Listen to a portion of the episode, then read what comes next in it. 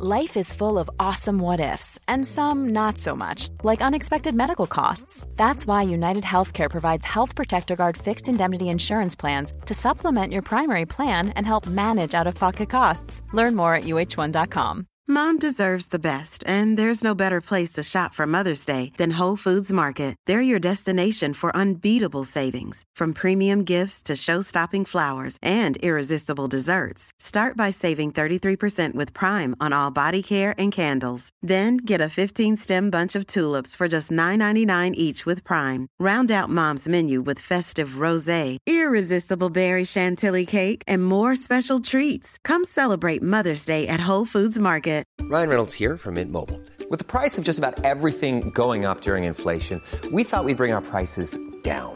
So to help us, we brought in a reverse auctioneer, which is apparently a thing. Mint Mobile unlimited premium wireless. Have to get 30, 30, bit to get 30, bit to get 20, 20, 20, bit to get 20, 20, bit to get 15, 15, 15, 15 just 15 bucks a month. So, Give it a try at mintmobile.com slash switch. $45 upfront for three months plus taxes and fees. Promo rate for new customers for limited time. Unlimited more than 40 gigabytes per month. Slows. Full terms at mintmobile.com. I padel är det tyvärr så att partner måste ju, man måste ju vara jämna. Ja, ja. Eh, och speciellt när man spelar på den nivån. Så har man ingen partner där så kan man inte lira. Nej, nej. Så då blev det att jag inte lira så mycket. Men nu när jag kom ner hit så spelar jag Mm. igen. Men finns skoj. det singel? Singel finns inte. Nej, Nej. nej, nej.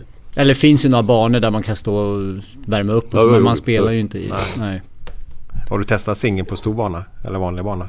Jag spelade singel mot Stefan Rehn och eh, Vogt själv. Aha. Så hade jag hela banan. I den gamla ham, ha, Vogt, Halmstad... nej, vad heter han? Peter Vogt? Ja, men- Peter Vogt. Ja, men Peter var Vogt. Halmstad var Ja, precis. Ja. Och var i Brage tror jag också. Ja. Ja. Sen Halmstad jag- var han väl som Ja, bäst ja, tror Så jag. att, eh, jag tycker det är kul att spela själv ibland.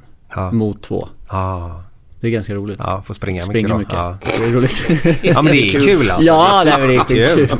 Ja. Alltså en annan är ju på en helt annan nivå. Vi, vi, så, så långt ner man kan komma nästan där. Men Men det jag är fan så roligt alltså. brukar möta min granne ibland.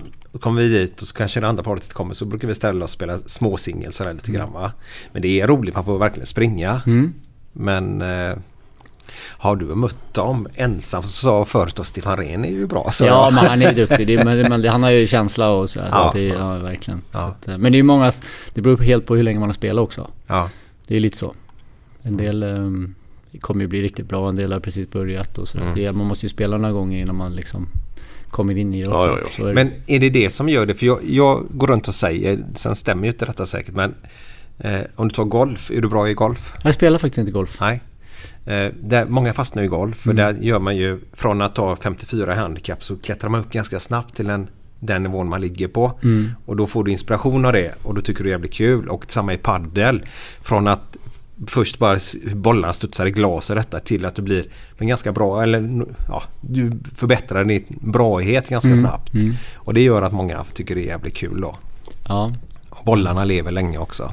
Jag håller med. Men det är just det här eh, sociala aspekten skulle jag säga också. Mm. Ju- Golf är väl så också, man går ut och spelar några polare eller sådär. Mm. Eller, eh, eller sin partner. Eller, det är samma i padel.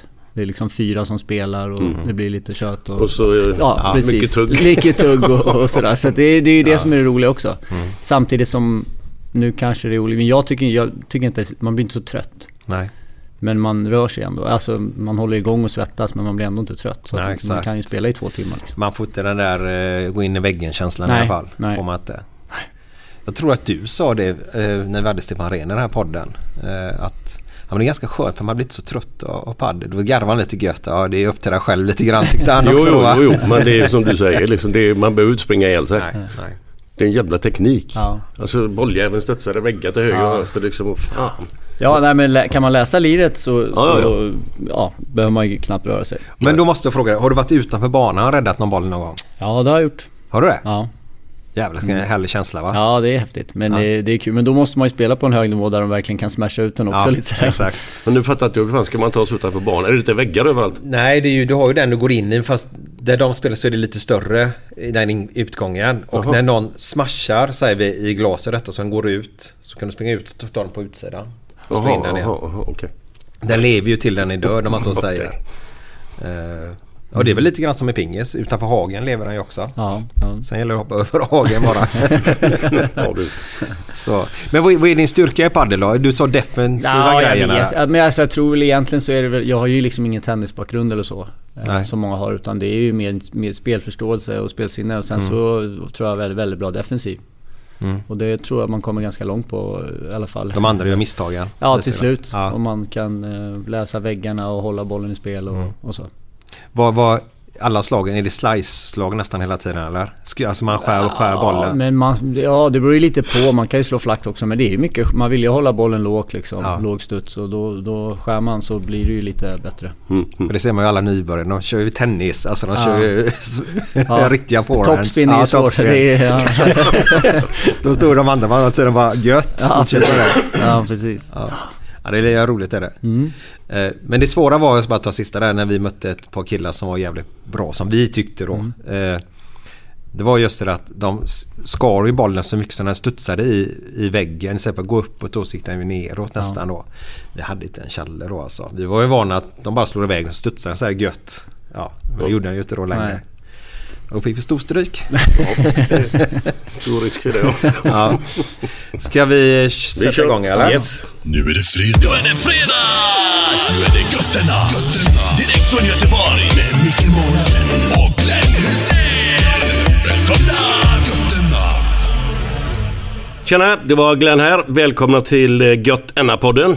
Idag har vi en, eh, en gubbe som jag skulle vilja klassa som en jävla härlig lirare. Som jag var mycket imponerad om när jag gick och kollade på hockey. Det är inte mindre än Christian Hyselius.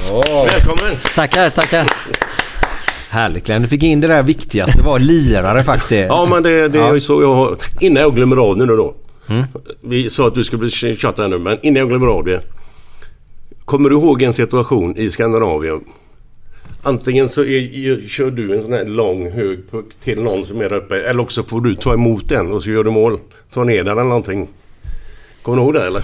Eh, Kanske inte just den situationen. En jättehög puck som de bara Ja, lyfter ut ja men liksom. det, det har jag nog gjort. Jag spelade ju med otroliga lirare. Jag tror att Mange Johansson som var back också i Frölunda på den tiden la ju lite såna här äh, flipp lyftpassningar. som Ja, det var en sån här i- riktig båge alltså. Som jag nog tog ner och var fri och gjorde mål Ja, på. ja, exakt. Så att, det- men det hände några gånger tror jag till och med. Men eh, ja, man har ju haft eh, lyckan att spela med sådana killar som har kunnat göra sådana grejer. Och Jo, det har hjälpt mig man också. ska kunna ta ner den jo, också. ja. Ja, sant, sant. Men var Magnus bra på det? Gjorde han det ofta alltså? Eh, ja men Mange Johansson var ju en eh, fantastisk back med spelförståelse och, Mm. och hade underbara passningar och sådär. Så att han kunde hitta på sådana passningar och se de luckorna. Men det är klart att det, det behövs ju vara en kemi när det är så. Mm. Ja. Alltså det är så. Och den får man ju oftast genom att man spelar ihop ganska mycket. Och Ja, och att man, förstår läser varandra. spel på samma sätt och förstår, hittar luckor var man åker och Mm. ja. Så att eh, visst men... Eh, sen var väl jag som sagt kanske en lirare när jag spelade. Kanske. Ja, jo men det var jag. Jo men det var jag såklart. Men det var mycket också var ju lite mer... Eh, var, det var nog mer så i Sverige. Tills jag blev proffs så blev man ju lite mer... Som man säger där borta i NHL var man ju tvungen att vara mer effektiv.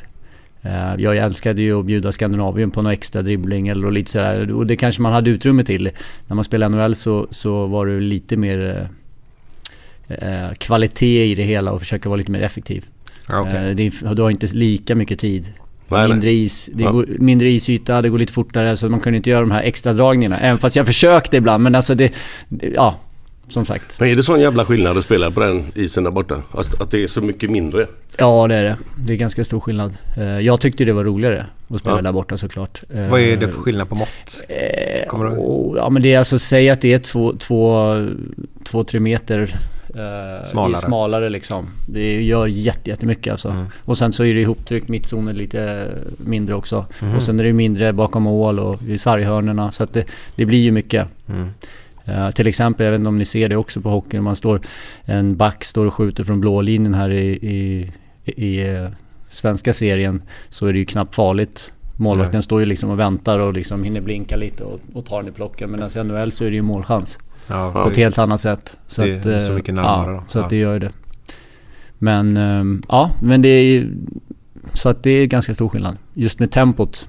Som, som jag skulle säga blir det. Hur kommer det sig, ja, det kanske, kanske inte du kan svara på, men varför har det blivit så att man har så olika mått om man säger kontra USA kontra Sverige? Vart, vilket, vilket var först med hockeyn? Ja, alltså det där är ganska intressant skulle jag säga. Ehm, Ja, först, det, känns ju som Kanada har dominerat hockeyn i, i alla år liksom. Eh, Sen så var det ju, Sovjet kom liksom lite senare också och var helt dominanta i världshockeyn. Men, men det har varit så att i Europa har det varit eh, ett visst mått och sen så borta i Nordamerika har det varit ett visst mått. Eh, Men jag hoppas det skulle vara kul om de förändrade det. Så att det var samma mått överallt. Skulle jag tycka och det skulle eh, gynna alla och det tror jag Sverige är behov av också, att göra någonting med hockeyn så det blir någon liten förändring. Mm. Förbereda sig för, ja, internationellt där borta också. Men det är bara där de har mindre. Ingen annanstans i hela världen. Eller i Kanada och USA. Ja, det, fin, det, det finns ju vissa liksom gränser, det är väl så i fotboll också va? Att det är vissa mått man Ja, får vara ramar ja, som man ja. håller sig innanför. Jag vet att. Finland har några arenor som är, eller isrinkar som är lite mindre. Eh, Men de håller sig ändå inom måtten liksom. Så att, ehm, ja, men annars är det där borta. Jag ska slänga mig ut med bara lite siffror som bara fick upp i huvudet. Där. Jag tror det är 105 till 120 lo- längd på planerna i fotboll tror jag. Ja, det stämmer nog ja. Jag tror det är de siffrorna som gäller. Det är lite roligt om man tar gamla, eller ja, Ullevi. Eh, när ni spelar på eran tid Glenn kontra då eh, Barcelonas hemmaplan då. Eh, så vilken skillnad på mått. Och det blir ju två helt skilda eh, fotbollsupplevelser Ja, ja. då. Men det är lite intressant med måtten att det kan skilja så mycket. För tar vi kontra damer, för det pratar man ju om här i Sverige då om vi tar damfotboll. Pratar om att de kanske ska sänka måtten lite och lite mindre boll kanske och lite sådana grejer då. Men det är ju motståndare mot det också då. För i handboll är det ju så, damerna har ju samma mått på plan naturligtvis men de har ju en lättare boll att spela med.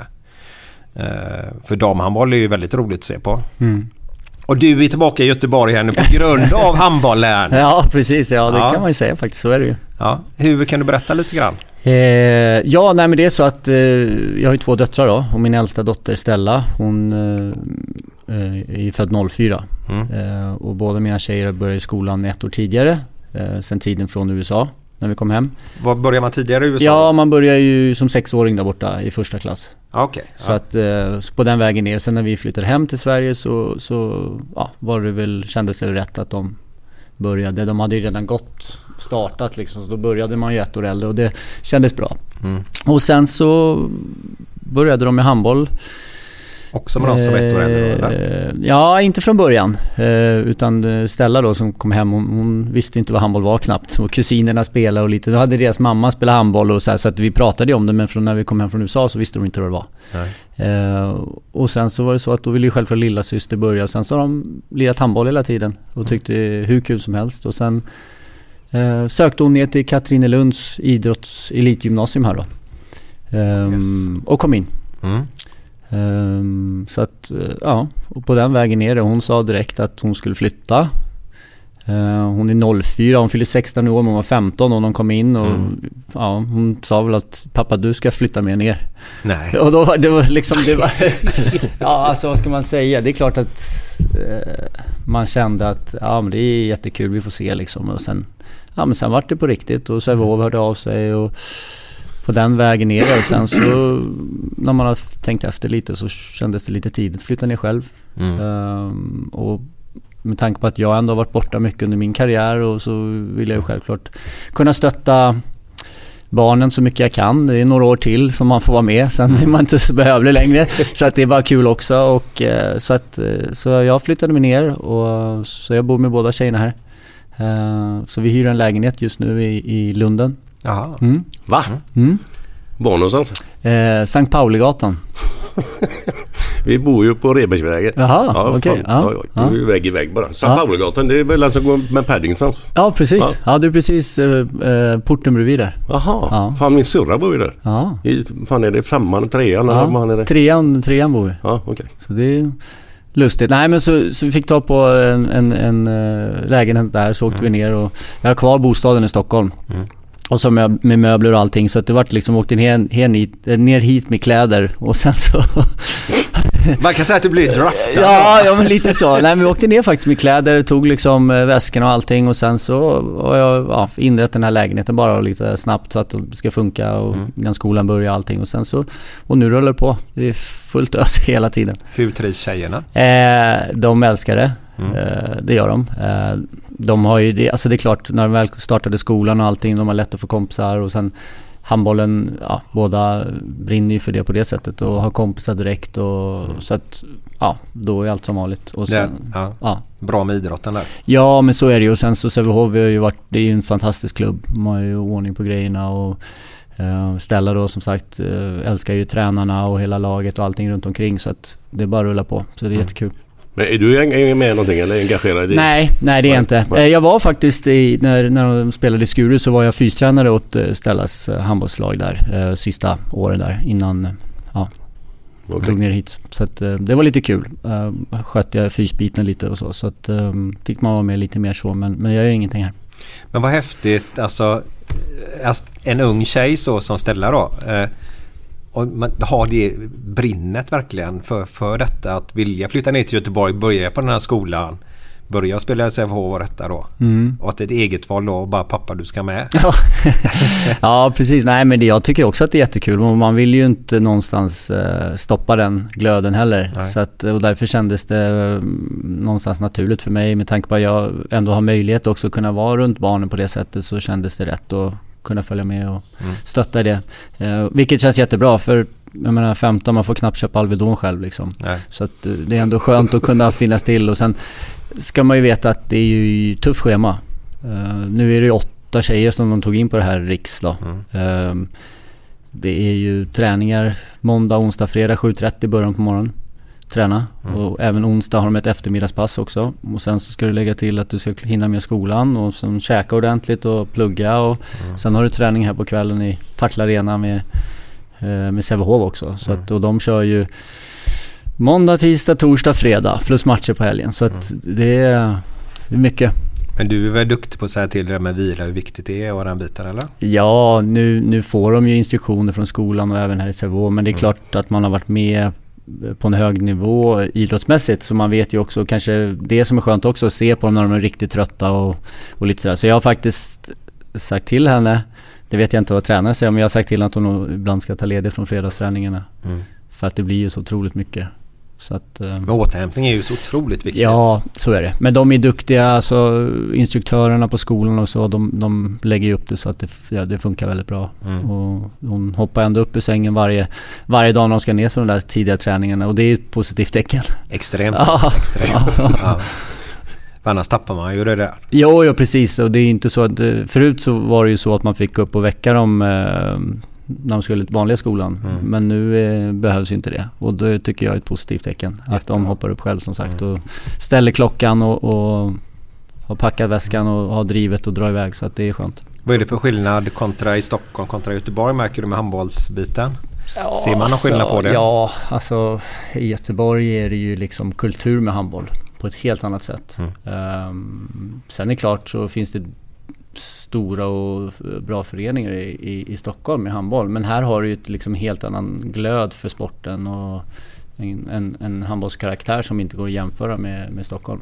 Ja, det är så. Ja, ja men det, det tycker jag. Och sen så intresset. Det är ju så mycket fler utövare också. Mm. Fler klubbar runt omkring och eh, så det, det är häftigt.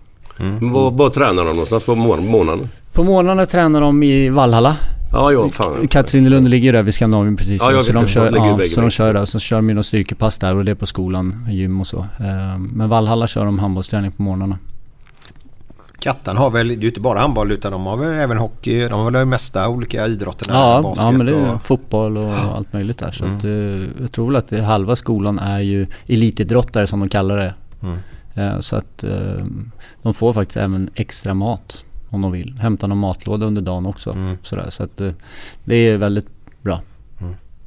Det, det är faktiskt eh, Henke då, pojken hemma, han, han gick också där. Mm. Fast han gick inte riks då, men de fick just mat som du sa. Mm. Så de kunde äta ordentligt detta. För det är ju också återhämtning att kunna äta bra mat då. Exakt. Vad, för jag var tjejer och det. I- Har inte de lite mer, jag tänker, tänk att åka hit ner som en ensam 15-åring. Mm. Med all den här pressen på sig. För det blir ju en press ändå lite grann. Eh, Och så har vi ju ätstörningar som finns bland tjejer och detta då. Mm. Har också se upp med den biten då. Men jag tror att de är ganska bra på skolorna och snappa upp sånt idag kanske. Mm, det tror jag och hoppas jag. Det är väl en av grejerna som jag tycker är jobbigt, att man får i dem tillräckligt mycket mat. Mm. Eh, också en, en del som jag verkligen får tjata på är att de måste äta mer. Eh, och det har ju lite med kanske idealet för tjejer hur det ska vara. Och, ja, de vill inte äta för mycket och sådär i den åldern. Det är väldigt Mm. känsligt. Men ja, det gäller att få in, eh, ju snabbare de förstår att de måste få in sig energi för att orka. Eh, Mm. det är väl det det handlar om. Eh, Men där får man ligga på. Mm. Så är det. Men har du liksom eh, ditt privatliv liksom själv?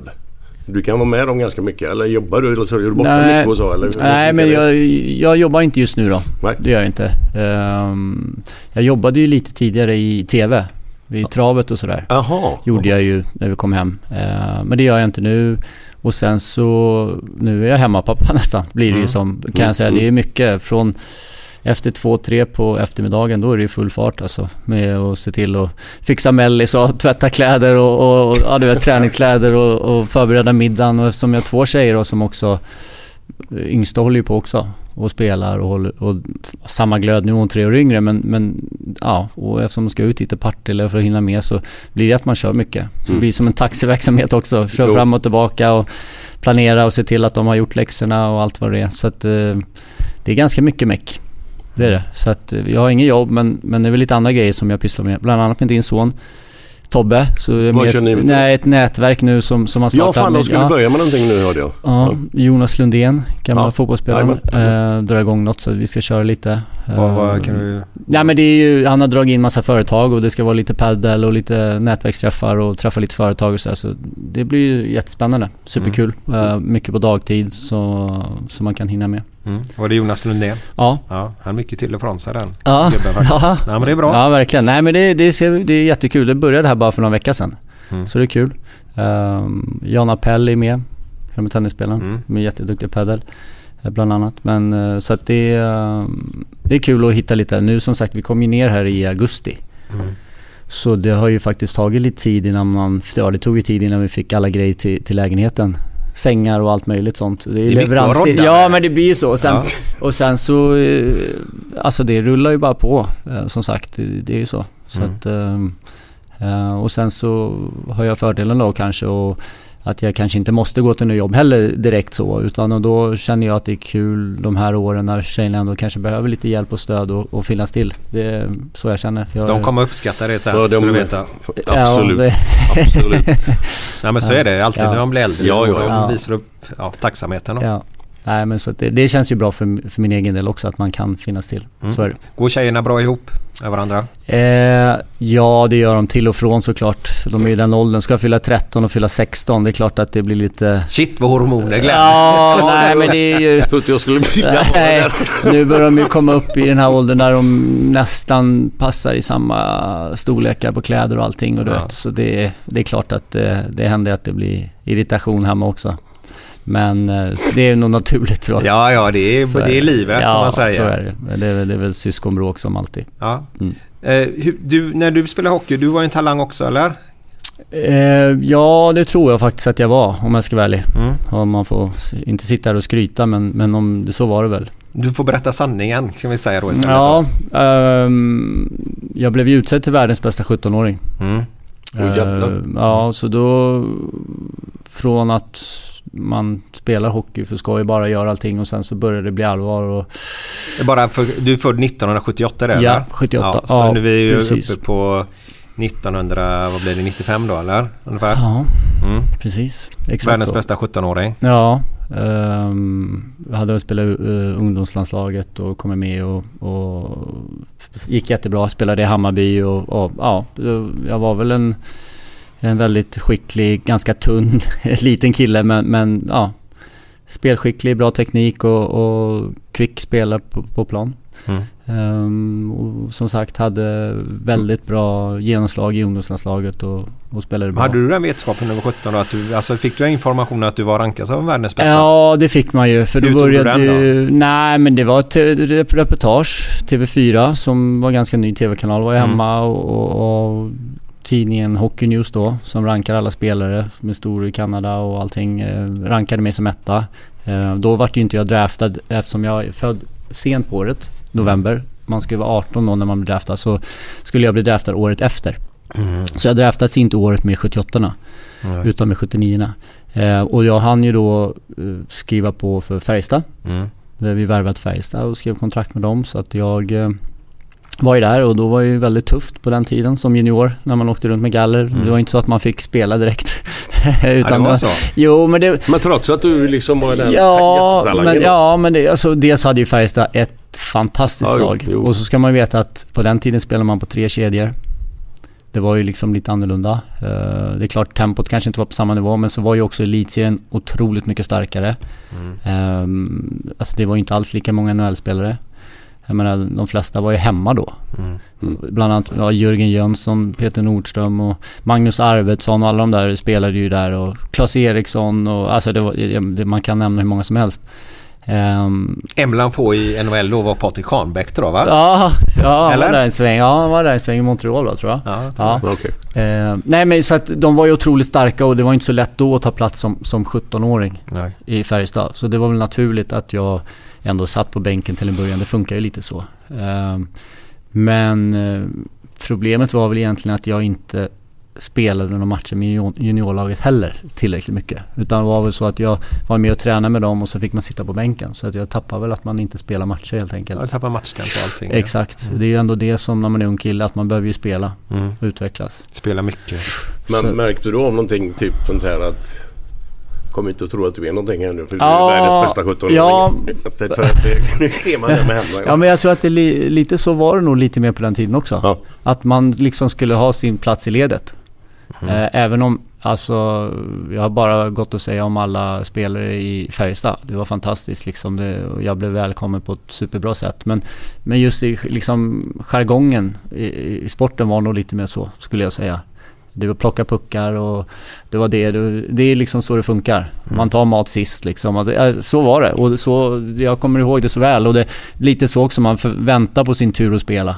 Så att ehm, det tror jag har förändrats ganska mycket i samhället idag. Mm. Till, till både gott och ont alltså. Ja, men jag kände också det när, liksom, när man kom upp där i den åldern. Liksom, att man fick gå och hämta bollar och Mm. Ta, in västar och grejer. Men det var ju ingen mobbing på något sätt. Utan det var ju bara en grej som man... Kan inte du berätta Glenn vilka som putsat dina skor och sådana grejer? I Liverpool nu alltså? Ja, i Blåvitt just nu, men Nej. i, i Liverpool. Ja, vilka, kan du namndroppa lite folk som gick där och tog hand om er? Ja, det är rätt lustigt faktiskt. För att, jag vet inte hur mycket du känner till med, med fotbollen och så. Men Jo, men Steve jag, McManaman. ja. Han putsar våra röjor Ja. och fixar så att vi- så att postrar blir Ja. påskrivna. Och Ja. Robbie Fowler var med också i den svängen. Jag tycker det är underbart. ja, men det, Någon putsar ja, ja, ja. ja, men ex, ja men exakt och det, det är ju lite så, eh, ja. Men vi var ju inte så att vi var kaxiga mot Nej, dem. Nej, de, nej. fan, Ja. På jul fick de alltid en jävla massa pengar Ja, till att köpa ja, julklappar ja, och sådär. Så ja. det var ju liksom ingen jävla mobbing på Nej, men det är jargongen. grejen, Ja, liksom. ja, men det var ju lite så att det, ja, och man visste nog sin plats lite också när man kom som ung upp. Att man liksom, ja det var vissa grejer man fick ta. Ja, ja. S- Och, och så är det. Så att, eh, ja, men, men i alla fall så... Det... Ja, jag var ju en, en, en extrem talang tror jag, men det tog ju något år där och jag ska inte spela och även nästa år fick jag inte spela heller så mycket i Färjestad. Men trodde Så- inte tränaren på det? För, jag har alltid haft den tesen. Om inte en tränare tror på Nå. det, byt förening då känner jag ju då. Jo, lite så är det ju. Uh, där kom ju saker in med agenter och, och allt möjligt och sen så när jag blev draftad av Florida Panthers blev jag draftad. Ja, så, så, så blir det väl liksom en press och sen så handlar det väl först och främst att man ska försöka ta sig in i laget och, och, och de tyckte väl kanske inte jag var tillräckligt bra ändå. Nej. De hade ett bra lag och jag var inte färdig och jag tror att som ung då så var man ju inte heller fysiskt eh, klar. Eh, och sen så var jag ju en sån spelare som gärna gjorde det lilla extra. Eh, det kanske inte alltid uppskattades av tränare eh, då på den tiden liksom när man skulle komma in och försöka, det första man försökte göra var att dra en gubbe och lägga mellan benen. Så, så var ju mentaliteten för mig då kanske också när jag var ung och kanske lite omogen som spelare. Så att, ja, man, man lär sig ju och, och sen så tror jag ändå att miljön i Karlstad var väldigt bra för jag fick ju träna och se upp till de här killarna som var där. Eh, Jörgen Jönsson då bland annat som ledde det där laget och det hade man ju med sig sen. För sen kom jag ju till Frölunda. Mm. Men du, vem var tränare på den tiden då i? Eh, det var Pelle? Pelle Bäckman var Pelle där. Bäckman, Mm. Eh, och han, ja, jag tyckte han var kanoncoach. Han var hård och rak men jag, jag gillade honom. Jag tror, jag tror att han gillade mig ganska mycket faktiskt egentligen. Eh, men sen han var inte kvar. Sen kom Bo Kulon Lennartsson in. Ah, okay. Eh, och då kände jag väl inte samma förtroende alls. Gjorde jag inte. Eh, och det var den svängen när han var där som jag kom ner till Frölunda. Ja, just det. Mm. Ja. Bara där, tror du, alltså alla supportrar som står vid sidan, släpp fram de unga oftast. Står de och ropar då när det inte går bra för laget och detta. Eh, nu har vi i fotbollen då, vi har han Alexander Isak heter han va? Ja. ja. Alla har ropat sådär på eh, jag vet när Zlatan var på väg upp i landslaget detta så var de förbannade att han inte fick hoppa in tidigare och alltihopa. Men det blir ju en bra utveckling till slut ändå. Alltså, hade du blivit en bättre hockeyspelare om du fått få spela A-laget tidigare tror du? Eller tror du att du blev en bra hockeyspelare fast du hölls tillbaka där lite grann? Alltså, förstår du vad jag menar lite grann? Ja, jag förstår vad du menar. Istället för att bara Det- släppa ja. fram för att nej, han är en jättetalang. Men han Ja. kanske ska vänta ett halvår. Ja. Eh, Alltså, det är ju omöjligt att säga. Nej, det går ju inte, nej, att spekulera i. Det som jag vet är att jag eh, mognade ju och mentalt så, så klart man kunde lära sig att hantera motgångar. Eh, tycker jag. Så när jag kom ner till Frölunda så eh, var jag lite mer förberedd Mm. mentalt. Jag var lite äldre också men då, då kände jag att eh, Okej, jag hade sett hur det går till. Nu är det bara upp till mig själv och liksom se till att träna och förbereda, förbereda sig och sen kanske vara lite mer effektiv. Mm. Eh, att det handlar ju om att man ska leverera också.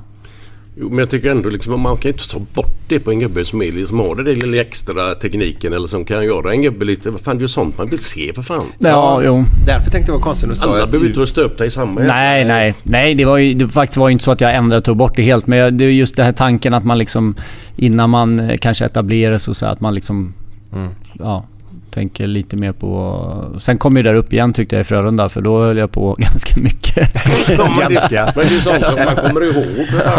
ja, jo. Men, eh, men, men hockeyn är ju ganska eh, rolig på det sättet. För jag- det gick ju superbra i Frölunda. Mm. Det var ju superkul och jag fick förtroende och spelade ju med fantastiska lagkamrater och allting. Och, och det var ju en språngbräda innan jag blev proffs. Så, och det var en fantastisk tid. Jag, alltså, det var helt underbart att spela här i Göteborg.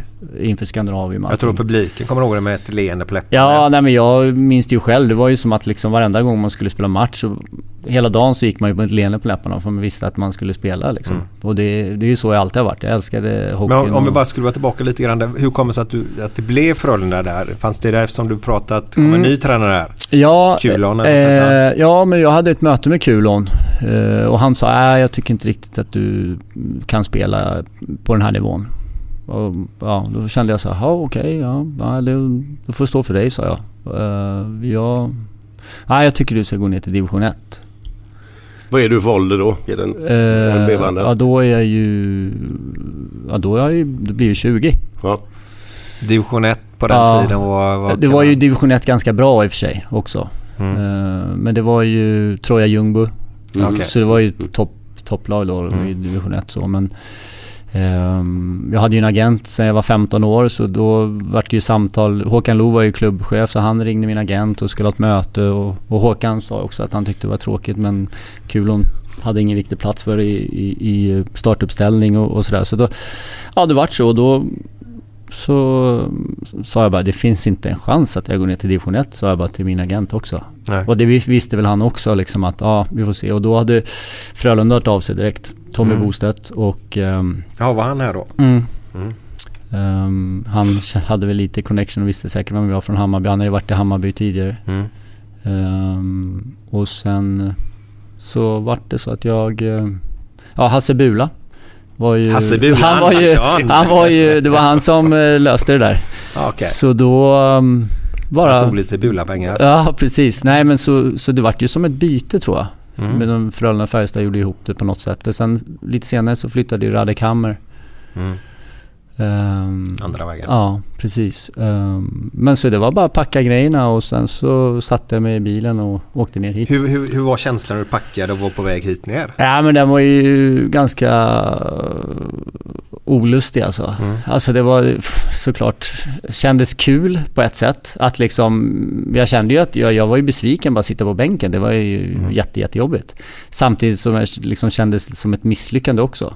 Mm. Att man liksom inte fått spela och, och jag hade kommit dit och skrivit kontrakt och liksom trodde väl kanske att jag skulle ta en plats till slut. Ehm, men ja, det kändes ändå som en nytändning och, och kul. Och så, var det extra kul att veta att, eh, känna att jag ska visa Färjestad och tränaren då. Så att, vilket misstag de gjorde. Ja, Ja. Men kände, kände du direkt...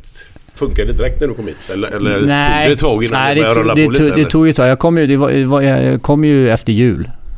Efter jul, nyår där. Jag kom Till mitt under mitt under säsong. Eh, och då var det väl lite svårt att liksom anpassa och komma in. Och jag, jag är ju ganska blyg kille, väldigt tillbakadragen, försiktig sådär. Så Mm. då... Det tog lite tid också innan man, man eh, kände sig bekväm. så att jag, jag spelade väl lite grann i Frölunda där i början. Eh, men jag tyckte kändes ändå att det kändes bra. Och att jag tror att de såg att det fanns eh, ljusglimtar att det kan bli bra. Så att, eh, efter den säsongen så sommarträning och fick börja om från början med Frölunda då. Hela den säsongen och det var då det helt bara Mm. lossnade. Bostedt är rätt tuff, eller? Ja det är han. Eller är det bara utåt sett, eller? Eh, Ja men han var tuff, ställer krav. Uh, fysen är väldigt viktig. Han är ju stark själv. Ja, jag tänkte säga, det där. jag har alltid läst om hans Ja bänkpress jämt precis, då va? exakt. Ja. Och jag är ju inte den stora typen liksom och Nej. var ju inte kanske störst, bäst i, gymmet. Eh, men... eh, Men förstod han det att i ett lag så alla kan ju inte vara formade på samma nej men sätt. så är det utan Så är det. nej. Nej, jag vill ju ha de där tanksen Ja, och så ja, vill jag ja. ha lirarna och... Jo, men så är det väl alla lagsammansättningar egentligen. Det är Mm. ju så. Man behöver ju lite olika kvaliteter och så att... eh, Men det var det att jag, Frölunda hade ett bra upplägg, bra, bra fys och så jag hade en bra sommar, tränade bra. Sen när det var dags så var jag redo helt enkelt. Nivån gick ju upp ett steg och nu vill jag ha en nivåsättning av dig Glenn. bara innan jag glömmer av det. Var han fystränare då? Hans Edlund? Eller? Nej, det var ju senare. Var det senare? Ja, det måste Okej. det vara. Eh, Jävla biff. Per Edlund Per. Edlund. Ja, jag spe, han spelade i laget då. Ja, han spelade. Så Okej, han var okej. en spelare. Mm. Så. Han är ett monster nu Ja. i alla fall Glenn. Men nivåsättning tack. Det var han då också. Ja. Jaha. Det är det här vanliga då. Men eh, jag- koncentrerar mig lite kortare nu i den här omgången faktiskt. Var du koncentrerad så är jag Ja. nöjd. Vad kallar man en äldre herre i Mexiko? Pensionär. Ja, Vanligaste skadan i Polen då? Gdanskalle. Skalle. Vad kallas Bruce Springsteen på Balkan? Vad hette han sa du? Bruce Springsteen, vad kallas han på Balkan? Balkan, nej. The Bosnier. Annat ord för japansk kvinna. Åh, oh, där måste En vi ta... sojaböna! Den var ju bra! ja, härligt. härligt. Ja, ja, det är väl några så. Där hade vi nivån på det hela då. Ja.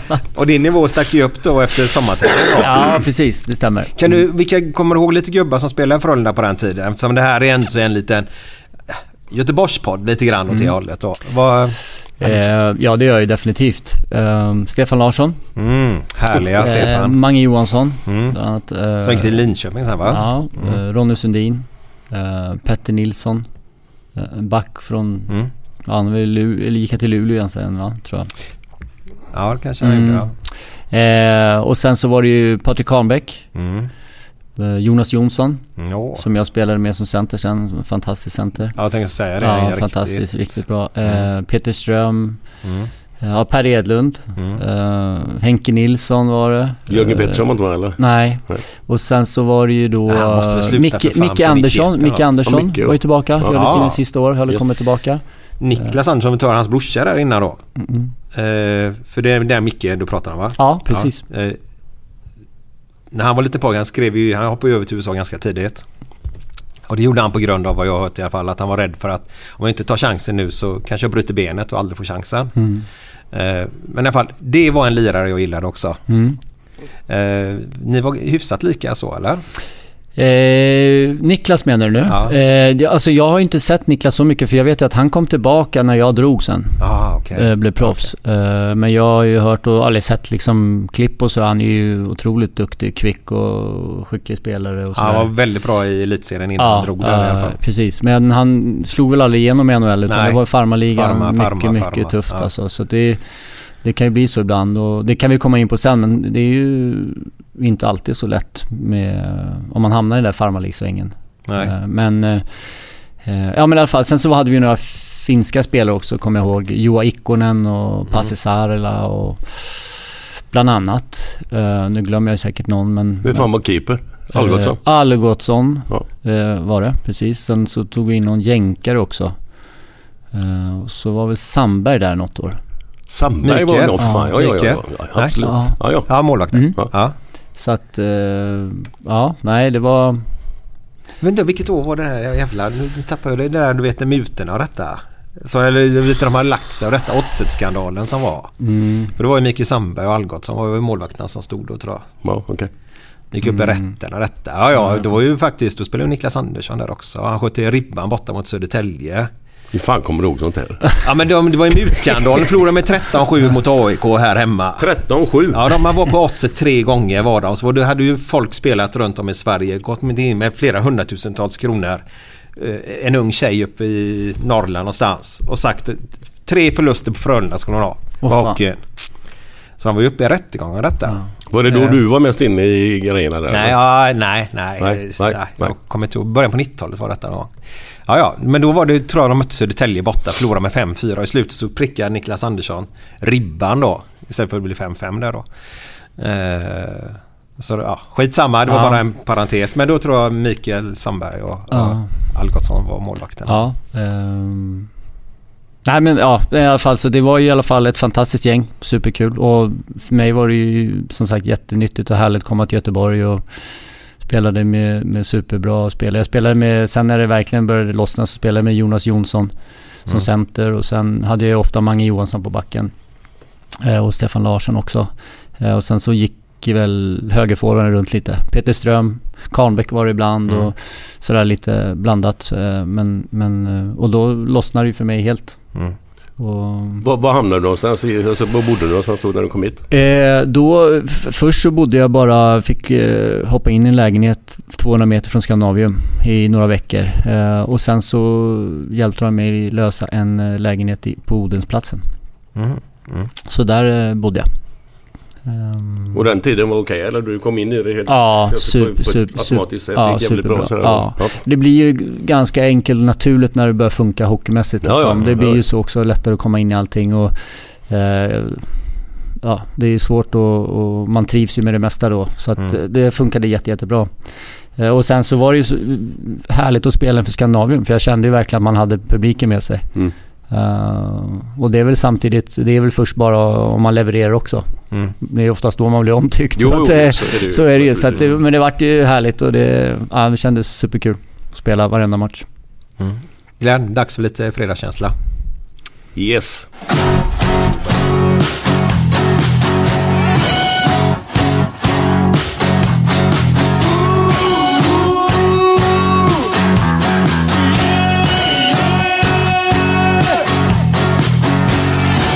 Måndag morgon, inte bra.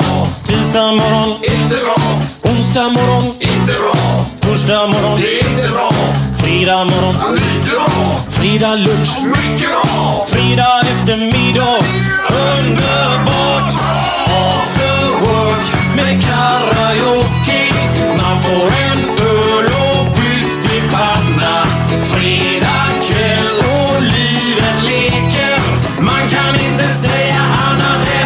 att jag har det gött nu!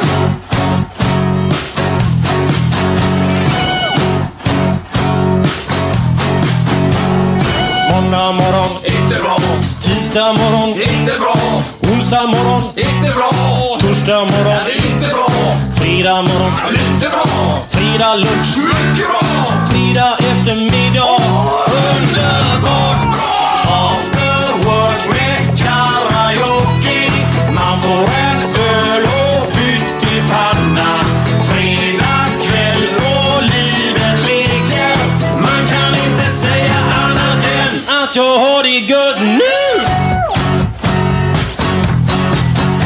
Ja, där hade vi han ju supersköne Björn Rosenström, After Work. Den blir faktiskt, jag har sagt det hundra gånger, men eh, den blir nästan bara bättre och bättre. Ja, det är bra. Härligt. Hundra gånger. Det gillar vi. Vad, eh, hur, hur såg det ut förresten i, när du var över i NHL och detta? Eller i hockey överhuvudtaget? För Glenn i den här podden har berättat flera gånger hur det var i bland annat Liverpool och lite i Blåvitt sådär då med, med eh, alkoholintaget kan vi kalla det va? Ja, det kan man lugnt kalla det. Kan, kan, kan du bara berätta lite hur det var i Liverpool då? Eh, lite snabbt sa Christian. Ja, det, det är väl inte kanske eh, så som den ser ut överallt. Tror jag inte i alla fall. Eh, Nej, det är var ju- 80-tal, 90-tal nu jag också. menar, Det fanns säkert ställen runt om i Europa där det inte dracks så mycket bira liksom. Men det var ju alltså varje dag i stort sett. Utan dagen innan match. Det var ju inte så att man var ute på nätterna och så utan men på eftermiddagarna. In på puben liksom och spela lite biljard och på med jukeboxen och så satte man i sig 7-8 bira. Och så hem. Så var det varje dag. Kan inte du bara berätta Helt sanslöst alltså. Vilka- Utan dagen innan match då. vilka gubbar var det du gjorde detta med? Och vart var det än? Ja, vi bodde uppe på ett ställe som heter Southport. Det ligger en halvtimme utanför Liverpool. Mellan, mellan Liverpool och Blackpool. Och de som var med där det var ju Allan Hansen, Ronny Whelan, Steve McMahon och gänget. Ja, alla de här. Och ni drack öl nästan varje eftermiddag? Ja, varje eftermiddag. Egentligen. Två- Utan dagen innan match då? Ja, ja. Så du vet att eh, men, eh, det, alltså, varje spelare var så jävla bra individuellt liksom. Så det, och förmodligen, jag kan, vet ju inte vad de andra gör. De andra jävla lagen runt om i, ligan. Om de var likadana eller inte, det kan inte jag svara på. Men det har jag svårt att tro att de inte skulle vara. Nej, För det- de håller nog på ganska lika, eh, ungefär samma sätt. Ja, men vi- då kan du väl bara berätta, jag måste gå vidare med det här bara att, eh, kan du inte berätta hur era träningar såg ut under de två, tre åren du var där? Ja, jag var där tre år och det var samma träning i tre år. Samma. Alltså, vi kom ut på träningen och så gick man två varv runt Melwood som det heter då träningsanläggningen. Och det stank ju sprit i de leden liksom. Man var på fan bli dyngrak och fan bara lukta på den här skiten. Ja och så hade man köttat färdigt och sen var det ett varv joggning. Och så var det lite ryck och så lite stretch och sen var det five side. Alltså det är två små mål och så möts man 7 mot 7, 8 mot 8 vilka nu som är med då. Alla tränarna var med. Daglish, Ronny Moran och Roy Evans var med och spelade i, i, i det här gänget som spelar här då. Samma sak i tre år. Fan. Inte en taktisk träning, inte en hörna, inte en frispark, ingenting. Nej. Det är helt sjukt. Ja, ja men det, ja, ja, jag fattar. Men jag, jag förstår lite för att jag känner igen lite det du pratar om ändå. Eh, för jag fick ju en chock när jag kom till NHL. Om jag ska vara ärlig. Eh, ja, dels för det första då så är det ju otroligt stort när man skriver ett kontrakt och det är ju lite pirrigt innan man ska ta, eh, ta sig över och liksom åka över på campen och så har man ju bara hört folk som har snackat hur tufft det är och, och liksom att de inte tar emot eh, europeer liksom på ett bra sätt och att, ja, allt det här hade man ju hört så att eh, man var ju faktiskt, eh, jag var väldigt nervös när jag åkte över. Eh, sen var det ju träningslägret först då och då är ju inte alla där. Utan det var ju mycket unga killar och folk som försökte slå sig in som inte hade kontrakt och sådär. Eh, då är det lite he- hektisk stämning och det är tuffa tag på träningarna och lite sådär. Medan de kanske lite etablerade spelarna Eh, inte var med på alla de träningarna. Eh, men det är ju tuff, några tuffa veckor där. Sen så kanske jag insåg och förstod att jag ändå hade spelat så pass bra här hemma och, och hade ju fått ett, ett eh, bra kontrakt, rookie, sån här max för rookie då och sådär. Så jag förstod ju någonstans att det ändå såg bra ut för min egen del. Men sen då när man fick eh, förstå att man tillhörde Florida Panthers, laget direkt och ja, inför de här träningsmatcherna de skulle spela med bästa laget var jag med och allting. Och sen, så rullade det på, så var jag med inför första matchen, eh, Philadelphia borta och allt och sådär. Eh, och dagen innan match där så skulle alla gå ut och käka och vet, då satt de ju och drack. Jag fick ju... Drack de innan match? Ja, liksom det var De ju dagen en innan. Ja, men det var ju liksom, det var ju jättebra. De satt ju, alltså det var ju, de drack ju hur många öl som helst och det var vin och du vet jag, för mig, jag drack ju liksom ingenting. Jag hade ju knappt börjat dricka liksom, Nej. aldrig liksom. Så jag fick ju en chock nästan. Mm. Att det var så många ändå som, som eh, ja men drack alkohol Mm. dagen innan match också. Nu var det ju inte så att de drack jätte- jättemycket men en del drack ju mer än andra. Eh, Men sen var det ju match och sen så insåg man ju att precis som du säger efter träningarna på dagarna så var det många som åkte liksom iväg och, och drack lite öl och sådär. Och Mm. det var en chock för mig när jag förstod att en del som gjorde det. Mm. Eh, Men det var ju äldre spelare ska jag ju säga då också. Det, det var ju också så, snittåldern var ju mycket högre då. Det var inte alls lika många unga som kom in i, i ligan på den tiden. Ehm, så att eh, de hade nog kört det ett antal år och det var lite så det funkade. Ehm, men det blev en, en chock och en omställning för en annan. Att Okej, ja, vad är det så här en del håller på liksom? Det, det är lite ja, annorlunda som en svensk kille som kommer som inte hade sett det där. Mm. Mm. Men umgicks ni på, på liksom med typ, alltså nu hade inte du familj då men umgicks ni liksom med eh, övriga spelarna på eftermiddagarna eller utan att bara vara på puben eller om man gjorde något annat, spela golf? eller Ja, jag hade ju då eh, min flickvän med mig i och för sig då och sådär. Okej. Så att jag Uh, åkte ju typ hem. För man var ju borta så pass mycket så man åkte ju hem och så umgicks man med henne och, och hittade på saker. Och sen så var det ju några andra svenskar där som hängde lite och som hon hängde också med då med andra spelarfruar och lite sådär. Så att um, det gjorde man. Jag hängde inte riktigt med på när folk skulle ut och dricka öl. Nej, För det första nej, så dricker jag inte öl än idag. nej. Eh, för det tycker jag inte om. Jag, jag, det är något jag inte tål med öl heller faktiskt. Eh, Men du har väl ju testat någon gång va? Ja, en gång har jag druckit öl. och Det gick inget vidare. ja, men det, det var faktiskt senare. Det var... Eh, vi hade eh, besegrat New York Rangers. Första matchen som vi spelade i eh, Madison Square Garden. Eh, och eh, vi vann med 3-2. Eh, vi lyckades göra två mål, superkul. Som rookie. Det oj, var superkul. Ja, det var ju grymt kul. Så det var extra kul liksom att tränaren sa ja, fan vinst mot New York. Eh, vi är ju spellediga imorgon så gå ut och ta en lagmiddag. Han pröjsade. Oj. Ja, så att... eh, det var Mike Keenan. Han hade ju vunnit, han hade ju vunnit Stanley Cup med New York också så han var väl extra glad. Uh, spöa New York då. då. Så han skulle nog ut själv så att han ville nog... Ha lite sällskap. ja, precis. Nej, men så, så hela laget gick, gick ut och ja, alla drack öl och tänkte ah, fan jag tar väl en öl liksom så här. Och sen tio minuter senare så kände jag att jag mådde så otroligt dåligt alltså. Uh, fick ont i magen, riktigt kraftig magknip liksom. Inget, en sån här kväll ville man ju inte missa så att jag kände jag, så här, jag måste åka tillbaka till hotellet. Mm. Det, det funkar liksom inte. Så jag började säga det till, till några lagkamrater som sitter alltså jag måste dra, jag, jag tar en taxi liksom. Det, det går inte, jag har så jävla ont. Så jag, jag hoppade in i en taxi och drog hem till hotellet.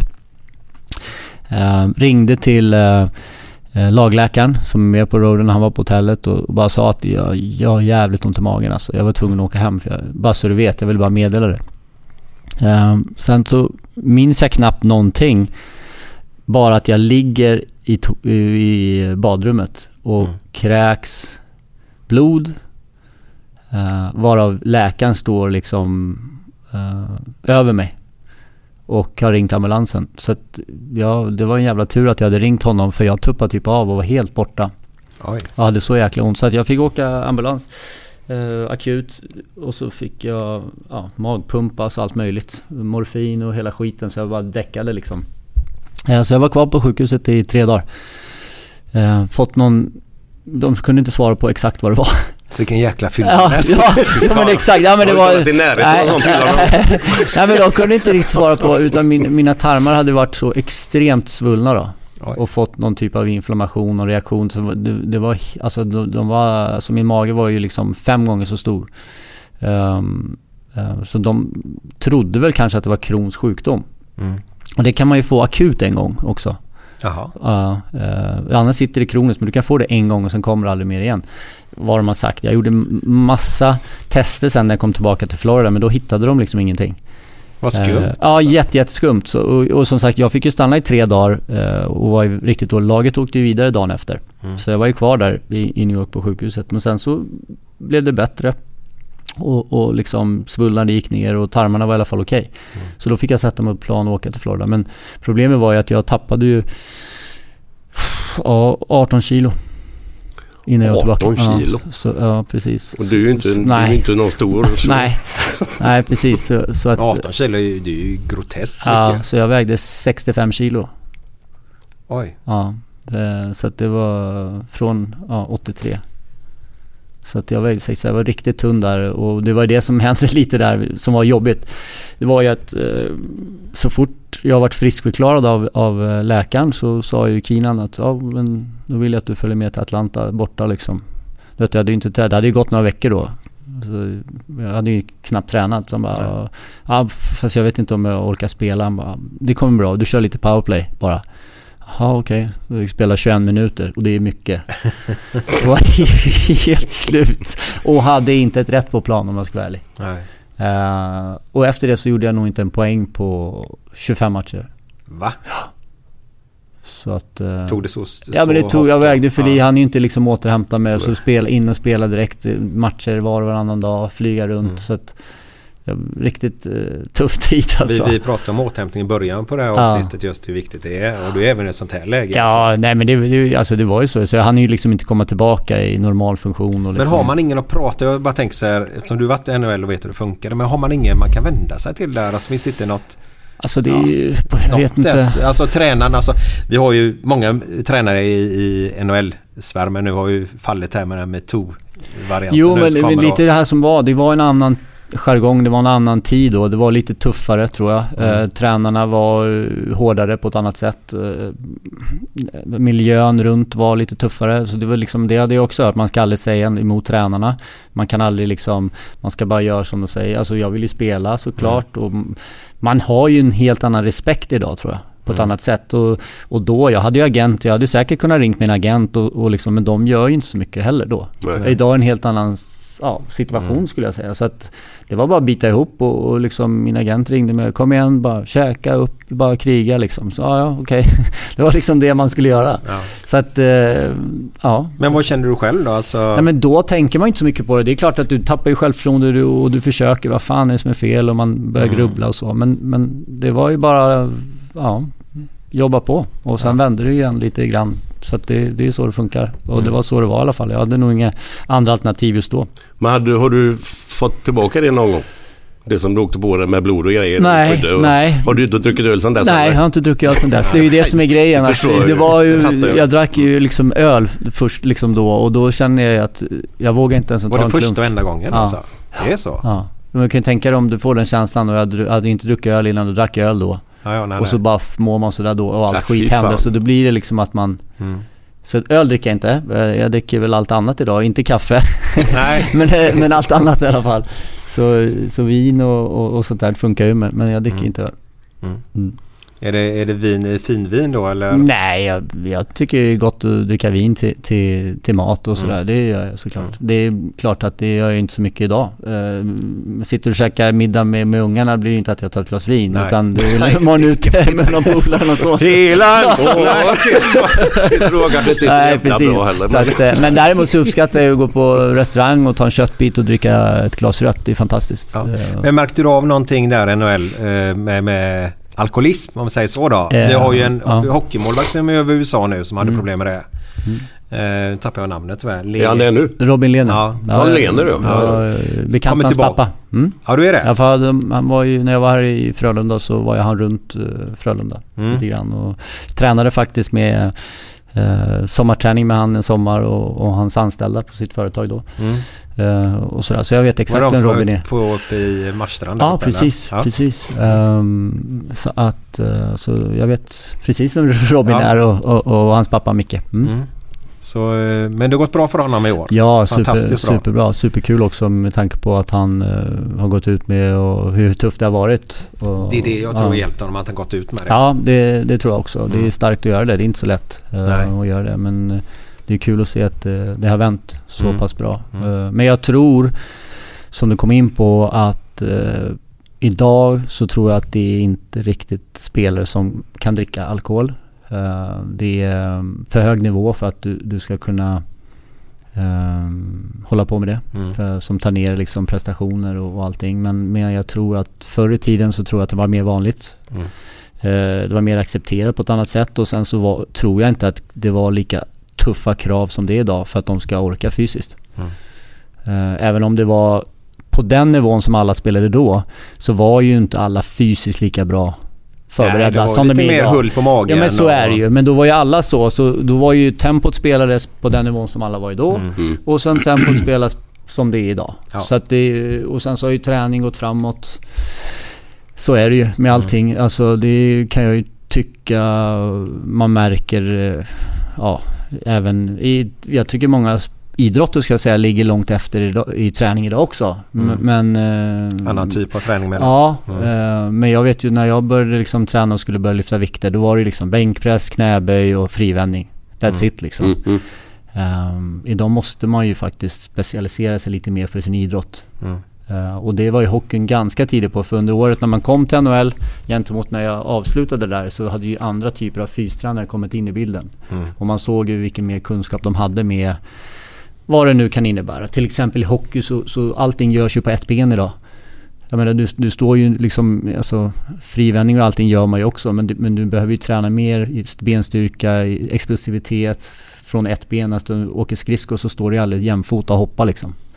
Det är ju lite så. Det är ytterlägen, du står du ska Ja, vara stark och det är det. snabba vändningar Mm. och då behöver du ju träna på det. Eh, Och det är samma lite nu eftersom jag kom in i handbollen. Apropå det, om man går in på det så tycker jag att de kanske är lite gammalmodiga där också. Jag tycker att det skulle vara kul att se att de tränar lite mer för handboll görs ju allt på ett ben. Mm. Det hoppar ju och det är snabba sidledsförflyttningar. Jag skulle vilja se att man tränar också fysträning och styrketräning när det står på ett ben och gör olika övningar. Mm. Istället för att göra det här traditionella bara med frivändningar och marklyft och, och sådana Ja, saker. för det är ett jävla kött de här frivändningarna Ja. just i handbollen Ja. också. Men alltså när, när, när det är väl ungefär samma i elitserien antar jag. Eller en, vad, vad heter det? SHL. Ja. Jag menar som, som, som USA. De spelar ju matcher varannan dag för fan. Mm. Eller? Mm. Den träningen kan ju inte vara speciellt hård som man kör emellan de här Nej, du, matcherna. du är tränar ju sommaren bygger du upp det och sen Ja. har du träningsläger och bygger upp det. Eh, Men sen så kör vi, vi körde ju styrka efter varje match.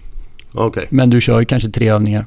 Mm. Ja. Men det, hockeyn är ju så pass Explosiv och så. ja, explosiv. Och sen så är det ju inte...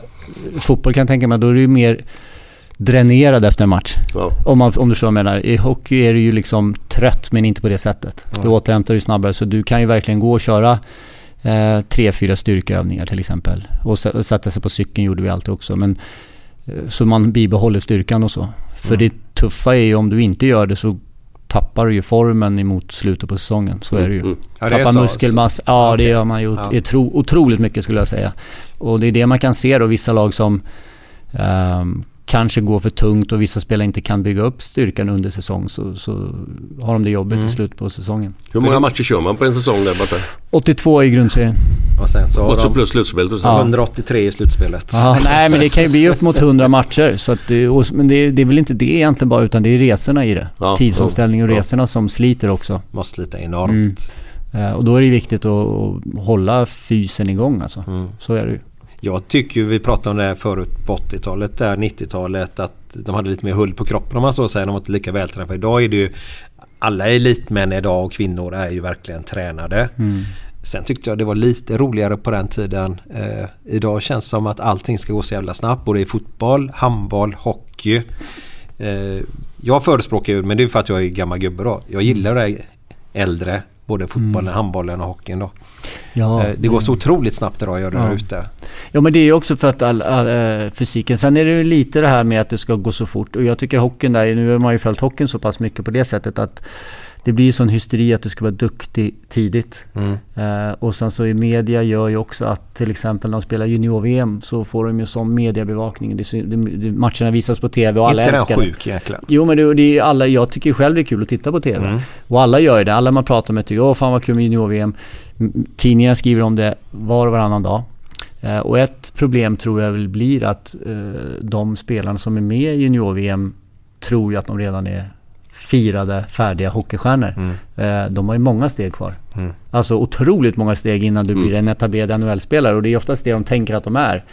Ehm, och det är inte så lätt att hantera. Ehm, för får du den bevakningen, uppståndelsen eh, över ett junior-VM eh, så känns det ju nog väldigt bra för dem.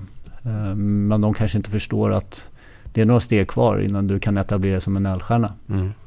Och då ser man ju att det är ändå, ändå många som åker hem som inte kanske var förberedda på att de inte var klara och hade etablerat sig. Och då blir det en tuff omställning. Men vad, vad, vad kan man utveckla mer liksom? För nu tränas det ju max. Vilken sport du än snackar om. Hockey, eller fotboll eller vad som Mm.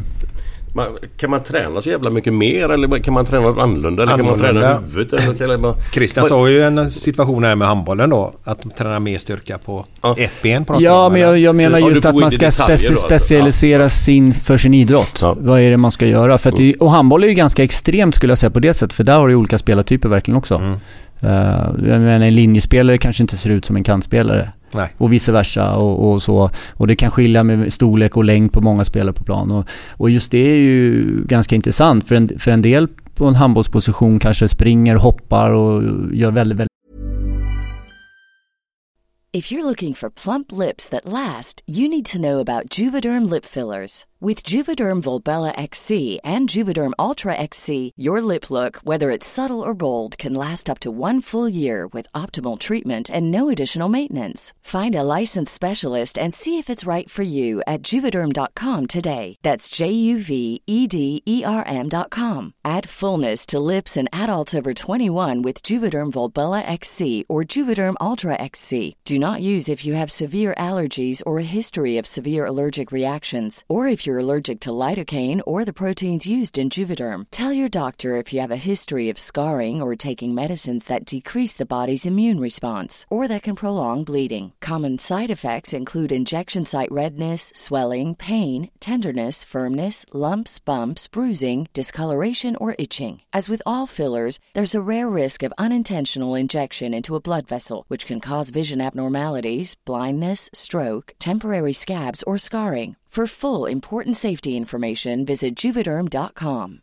Ready to pop the question? The jewelers at BlueNile.com have got sparkle down to a science with beautiful lab grown diamonds worthy of your most brilliant moments. Their lab grown diamonds are independently graded and guaranteed identical to natural diamonds, and they're ready to ship to your door. Go to BlueNile.com and use promo code LISTEN to get $50 off your purchase of $500 or more. That's code LISTEN at BlueNile.com for $50 off. BlueNile.com code LISTEN. Millions of people have lost weight with personalized plans from Noom, like Evan, who can't stand salads and still lost 50 pounds. Salads, generally, for most people, are the easy button, right? For me, that wasn't an option. I never really was a salad guy. That's just not who I am. But Noom worked for me. Get your personalized plan today at Noom.com. Real Noom user compensated to provide their story. In four weeks, the typical Noom user can expect to lose one to two pounds per week. Individual results may vary. mycket sidled. Medan sen andra står och brottas på linjen och ska vara på ett annat sätt. Då, då kan man ju egentligen inte träna på samma sätt. Nej.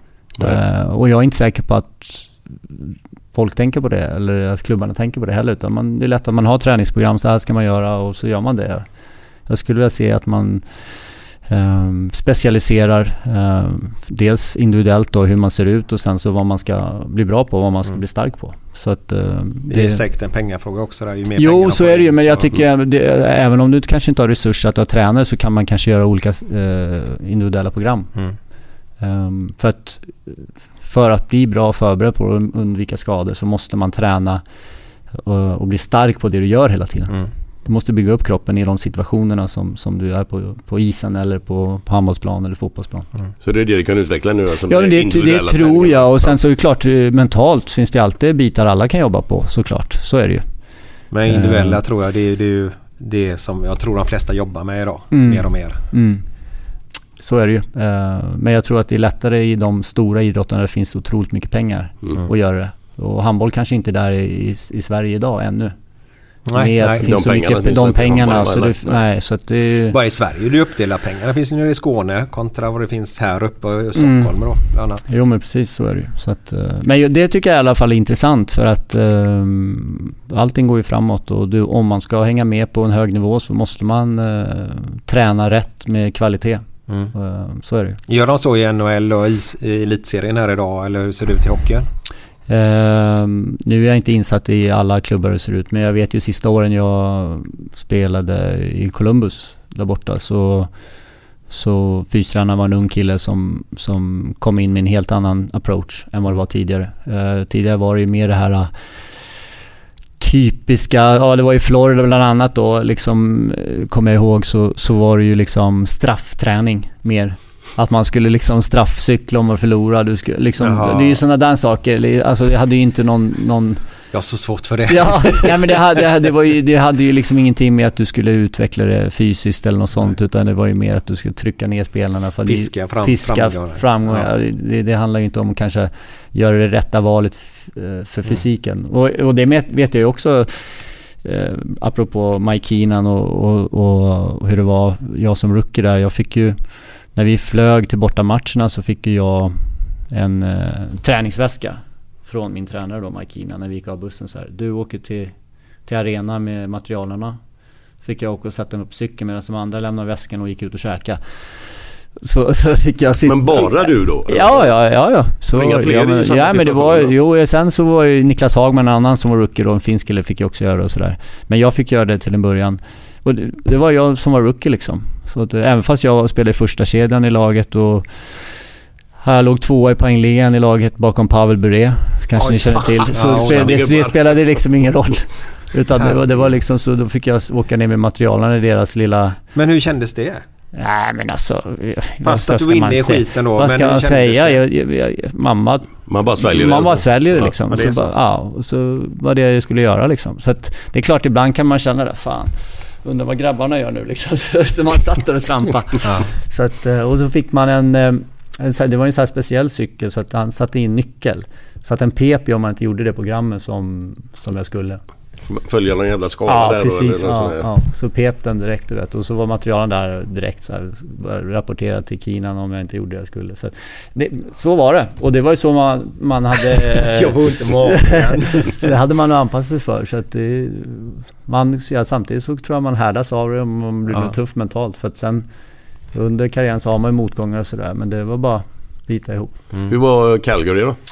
Eh, det var ju som känslan här i Göteborg för mig. Det var helt fantastiskt. Dels kom jag ifrån Florida och bland annat Mike Keenan som kanske inte var det roligaste Var, coachen. var han en mobbare? Ja, det var han väl. Eh, fast jag tror inte att man såg det på det sättet. Nej. Utan det var liksom en sån teknik som han hade som coach. Hade det funkat idag det han höll på med då? Det tror jag inte. Nej. Det tror jag inte. Eh, inte när du har så kanske unga killar heller på ett annat sätt. Det var en annan typ av era den tiden skulle Det jag var säga. lite young blood. Kommer du ihåg den filmen? Ja, Young jo men lite så. ja. Det, var, Ja. det var ju så. Eh, men eh, samtidigt, vi hade ju inga framgångar i Florida då. Nej. Och det var det jag skulle komma på också. Jag sa förut att när man Mm. blir draftad så kan man ju inte styra. Utan jag blev ju listad av Florida Panthers och tillhörde ju dem liksom. Men det här kan inte du bara förklara för oss som inte kan det Nej, till jag är inte alls med 100%? det. Jag kan inte hur fan det Ni är massa människor runt om i hela världen som vill spela hockey. Och så står då NHL-klubbarna där och eh, ska drafta folk då. Alltså man väljer en människa då eller? Mm.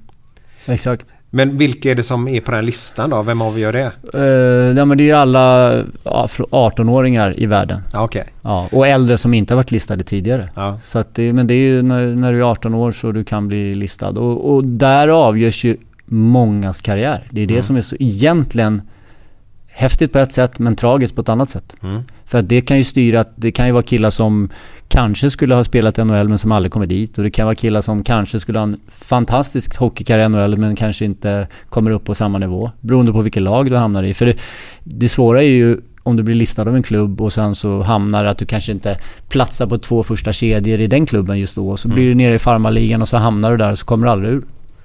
Och sen åker du till Europa eller någonting och så kanske du inte blir tradad eller någonting. Och det är det just som är det svåra. För min del, eh, som jag hamnade i Florida, vi gick inte till slutspel på fyra första åren. Vi hade en fantastiskt bra första kedja. Eh, inte så mycket mer.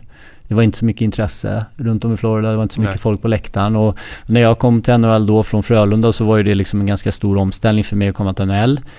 Men Alltså hockeyn var ju roligare att spela i Skandinavien med publiken och känslan. Men i Florida var det dött på läktaren och, Mhm. ja, och då var jag ändå NHL och var glad för det. Men det kändes inte så, så häftigt. Eh, sen då, då fick jag komma till Calgary. Det var det bästa som kunde hända. Varför hamnade du där då? Ja, då vart ju jag ju tradad från, från Florida. Eh, jag hade haft Keenan i några år och... Vad är tradad? Eh, bortbytt mot andra spelare. Ah, okej. Så det var en Så annan... de gör businessgrej Ja, där? precis. Ehm, och då kom jag till Calgary och eh, packade väskorna och, och bara flög till Pittsburgh för de var ju Pittsburgh skulle spela borta mot Pittsburgh. Det var bara liksom en chock och från ena dagen så spelade jag med Florida och från nästa dag skulle jag ta på mig en ny tröja i Calgary-tröja liksom. Och sen nya lagkamrater. Men det var som sagt det bästa som kunde hända för mig. Mm. eh, spelmässigt. Det var ju tufft, det är klart. Hade ju Stella då hade ju kommit. Mm. Eh, och hennes mamma då, de var kvar i, Florida och fick faktiskt ta smällen och packa ihop allting och, Mm. och vara kvar där någon månad innan de kunde komma till Calgary då. Men så det är ju tufft så, men, men hockeymässigt var det bästa som kunde hända. Mm. En helt galen, häftig hockeyatmosfär i Calgary. Eh, vi hade ett mycket bättre lag. Ehm, man liksom sover och andas hockey i den stan. Och det var ju det jag gillade. Så då, det var lite samma som känslan från Karlstad till Frölunda. Eller Mm, Färjestad Frölunda. Då fick jag den här nykicken och fick en chans att spela min hockey och, och ja. Och Men då måste Vad jag var, för, vad var det för gubbar med där då i Calgary som man kände till? Eh, Ja, eh, jag fick ju direkt då möte med ehm, eh, sportchefen, GMen då, eh, Daryl Sutter. Han kom ner till mig. Darryl Sutter. Daryl Sutter var ju Ja. GM då. Så kom han, ja han och bröderna. Sju bröder väl, alla spelar NHL tror jag. Eh, Skojar du? Nej, det är sant. Eh, men så då kom han ner till mig och så bara, jag vet precis vem du är, sa han. Och så sa han så här, vi behöver offensiva kvaliteter. Och det vet jag att du har. Det enda jag begär av dig är att du jobbar om du tappar pucken. Jaha, okej. Då kommer du spela. Jag bara, hopp, det var det bästa jag kunde höra. Det var bara, Mm. ja perfekt. för att tidigare när jag spelade i Florida så om jag råkade tappa pucken en gång så fick man ju sitta på bänken. För det var inte okej Jaha, för Keenan. okej. Så att det var lite så, alltså på den nivån det var. Och då, klart att man inte eh, kan spela ut om man känner det, vet att gör du ett misstag nu får du inte spela. Så Nej, det sätter sig i huvudet som ung Är du rädd på planen för Ja men det är ju så, det funkar ju inte riktigt så. Nej, nej, Så blir det ju. Så att, eh, ja, så att jag, så han satte mig i första kedjan med Jerome Ginla då. McGinley, Ja, fan det är klassiska eh, kapten. gubbar. Ja, ja visst. Och sen var det Damon Lankow som var center. Så första matchen så gjorde vi tre mål. Vi vann mot Pittsburgh borta 3-2. Och jag spelade fram alla tre mål till Jerome Ginla. Och Oj. sen så var det bara Mm. en resa efter det hela vägen. Ja, vad häftigt. Ja, så det, ja, det var tre år som var dröm, drömliv i hockeyvärlden om man får säga. Mm. Det var liksom så som jag hade förutsett att det skulle vara att spela hockey i- Ja. i NHL. Var någon mer svensk där då eller? Eh, ja, Marcus Nilsson var det. Okej. Och han hade ju varit i Florida innan så han var väl också en, en av anledningarna att... För de hade frågat honom om mig i Florida då, lagledningen och sådär liksom. Ja. Så tog de Okej. dit mig och så. så att, eh, och det... Där hade de mest kanadensare och amerikaner annars i Calgary. Där var det lite mer Western Canada, lite tuffare tag så de hade inte så mycket europeer. Eh, och det var väl därför då ju de ville ha dit mig. Med typ av skicklighet och egentligen någon att spela med Jaromir Ginla. Mm.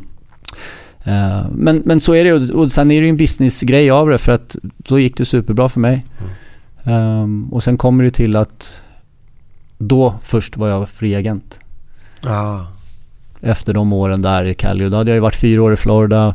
En lockout i Sverige hade det varit och sen så var det tre år i Calgary. Så att Ja, det är först då jag kunde skriva mitt första kontrakt där jag själv styrde över vad jag vill göra. Men nu måste du förklara för mig. För nu, alltså... Sju år då i NHL och däremellan lockout. Eh, och först då är du fri. Alltså har, har de kan styra allting du har gjort på vägen Ja. där då innan? Jo, för innan lockout och allting så, så är det ju så att man är ju eh, restricted free agent när kontraktet går. Jag skrev ju ett tvåårskontrakt med, med Florida det första jag gjorde. Mm. Och sen efter det så kan de bara göra en 10% löneökning. Och då är det bara signa och vara kvar liksom. Och de bestämmer det i ja, sådana fall? Ja, och gör de inte det så då ja, kanske de kommer med någon deal eh, Mm. eller gör något annat eller flyttar till Europa eller vad som helst. Men så länge de gör det så, ja ja, då är Florida jag tillhör. Så du kan inte löneförhandla eller någonting? Nej, då? nej. Så det spelar ingen roll. Jag gjorde ju 20 mål då som rookie i Florida och gjorde 20 mål varenda år där. Mm. Eh, Och det är ganska bra som rookie. ju Och dels bra. när vi, när vi inte gick till slutspel och inte gjorde så mycket mål. Så, men jag hade ju liksom ingen val i alla fall. Eh, Och sen blev jag tradad till Calgary. Då tas ju deras kontrakt, eller mitt kontrakt som jag hade, tas ju vidare till Calgary. Så är det bara att de fortsätter då. Och så var det då ända tills jag hade spelat klart i Calgary. Då gick kontraktet ut. Och då hade jag ju individuellt spelat upp mig rejält. Och Mm. gått super, superbra. Och, och, och då är ju businessen med att det är lönetak och hit och dit. Och om jag skulle vara kvar i Calgary så var jag tvungen att gå ner jätte- jättemycket i lön. Ja. För att eh, det var lönetak. Mm. Så att, eh, ja och, och då... Och lönetak bara förklara för de andra. Det är att klubben bara får ett visst lönetak. Ja, för- viss lön för alla spelare. Precis ja. Ja. Och precis. Och då hade de ju kontrakt med då Mika Kiprosov i mål hade ett långt kontrakt och Jaromir Ginla bland annat. Så, Mm. så de hade ju liksom inte utrymme eh, för mitt marknadsvärde efter mina år i Calgary. Ja, okej. Och det är klart att jag helst av allt ville stanna där. Men då är det ju lite så att möte med andra spelare och agenter som förklarar att nu får du faktiskt börja tänka på dig själv. Mm. Eh, Är, är det okej om vi... Kan vi nämna lite pengar om man säger så? Eller är det Ja, känsligt? nej det är ingen fara så. För jag menar det är ju offentligt i NHL så att eh, alla okej. kan ju ändå följa det. Så att det är inga... Och jag och Glenn följer ju inte det då. Nej så. men jag menar att NHL är ju alla löner offentliga. ja. Så det, det spelar ju egentligen ingen roll så utan ehm, Vad var skillnaden på ditt för kontrakt innan kontra det du skrev Jo sen men till då? exempel då 975 000 dollar skrev jag ju på som rookie då. Mm. Eh, och det är ju då, det var ju max. Mm. Max rookie-kontrakt man kunde få. Ehm, och det är ju innan skatt då såklart. Ja. Eh, och sen så... Och då skattar man i USA då eller? Ja, Ja. precis. Eh, och sen så är det ju ganska dyrt att leva där också. Mm. Lite annorlunda förutsättningar. Så det, ja, men det var det. Och, och då hade jag ju det i kontrakt. Och sen så när det kontraktet gick ut så fick jag 10% löneförhöjning. Mm. Hela vägen, hela vägen då. Tills det gick ut. eh, jag var 28 år i, i eh, eh, Calgary. Mm. Mm. Eh, då, blir man, då var regeln att du kunde bli fri agent. Ja, okej. Och då kan du skriva på vad du vill då. Och då blir det Och vad hände då?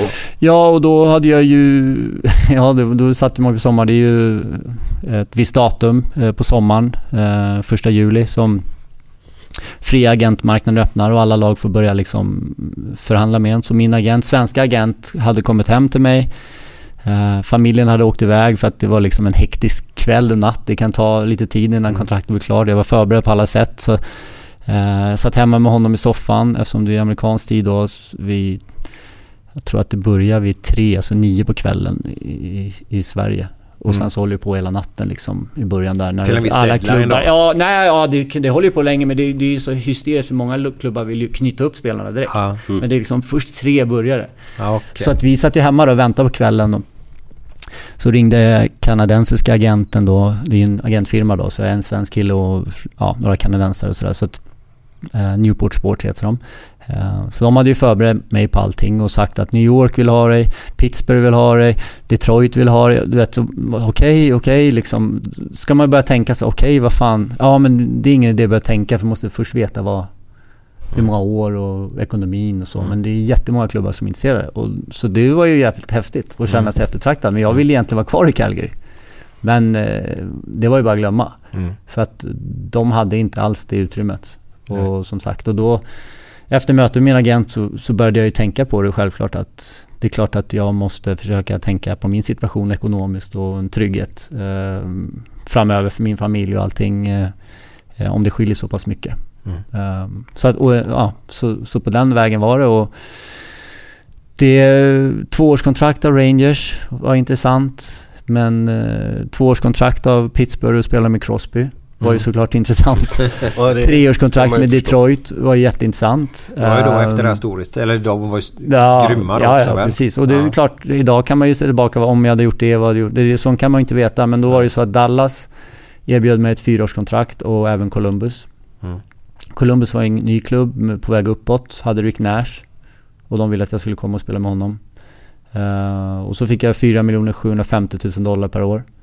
Mm. Eh, så att det, det ja, och, och, och då är det ju svårt att tacka nej till. Mm. Eh, med tvåårskontrakt med Pittsburgh då till exempel. Man vet ju inte vad händer om man blir skadad och de där sakerna kommer in. Så att, på den vägen var det. Mm. Det var ju så som det var. Att situationen var att de erbjöd mig ett bra fyraårskontrakt som kändes bra. Så då blev det det. Framtiden är säkrare och du kan vara i Göteborg med dina döttrar. ja, nej men lite så blir det ju Ja. när man hamnar där. Att det, det är klart att det är samma...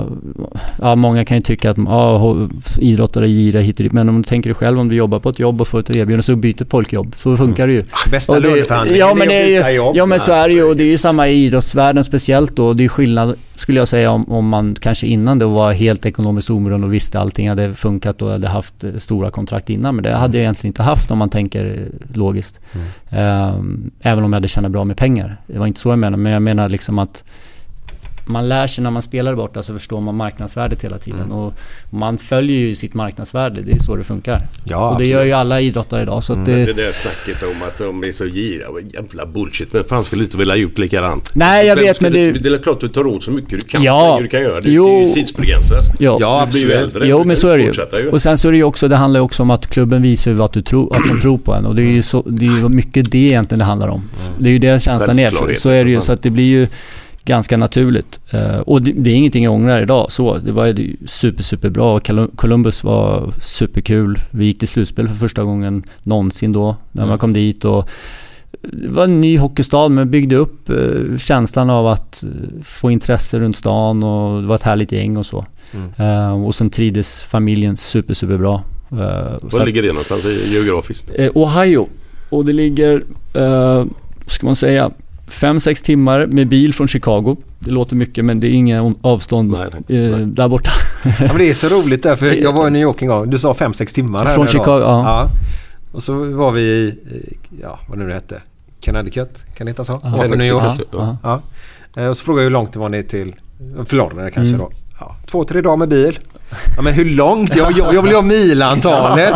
Nej det är fem, sex timmar. Ja, men hur långt är Ja. det? Det är så roligt med amerikanare. Ja. Man säger oftast man säger, för det, för det, tidsmässigt. ja, för det är helt annan trafik där och du kan Ja. inte köra liksom i Sverige. I Sverige kan du ju räkna ut så här, ja, Stockholm, Göteborg, ja men du vet det är de och de milen, men då kör jag i 130 Ja. och då är jag framme då. Alltså så Exakt. är det inte riktigt utan Nej. det är verkligen, man säger timmar. Det är lite roligt. Ja. Men du, en, en fråga bara. Det här AHL. Mm. Vad är det vad är det för klass på det? Om man jämför typ europeiska, europeiska ligor och så. Eh, jag skulle säga att AHL är, finns det otroligt många bra och skickliga hockeyspelare. Eh, men lagen blir inte så bra med tanke på att det är en farmarliga och alla vill bara upp i NHL. Så alltså, det är ingen som bryr sig om den jävla ligan Nej, det är individuellt tänk. Du har spelare som bara fightas för att ta en plats i NHL-laget. Eh, Jag tror inte att du får samma lagkänsla som du får i de andra klubbarna, liksom i andra serier och ligor. Eh, Som sagt, äldre killar är inte ofta kvar där. För de söker sig ut, om de inte har plats i NHL så söker de sig ut till Europa och, Mm. och, och sådär. Utan det är ju någonstans en mellanstopp för dem, se om de kan spela NHL eller inte. Mm. Så jag, det blir en, många unga killar med mycket konkurrens och eh, tuff, eh, Tuff miljö måste Tuff det vara. miljö, mycket bussresor.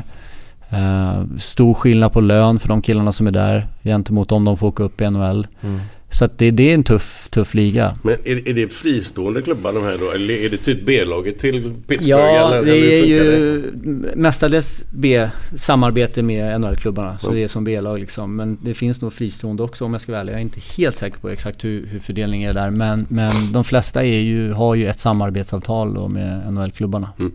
Eh, nu kan de ju byta klubbar och lite så här. Så ibland har, har, ja jag vet ju att man har ju varit i olika klubbar men de har bytt liksom.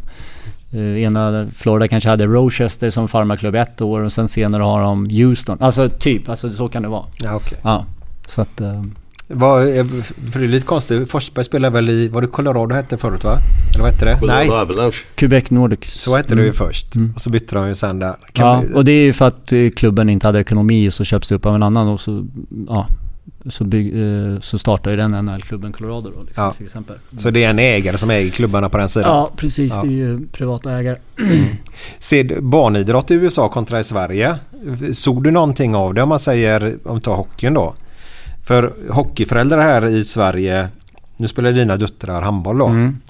Eh, Men i handbollen så är det betydligt lugnare kontra vad det är i fotbollsvärlden och ja, hockeyvärlden då. Ja.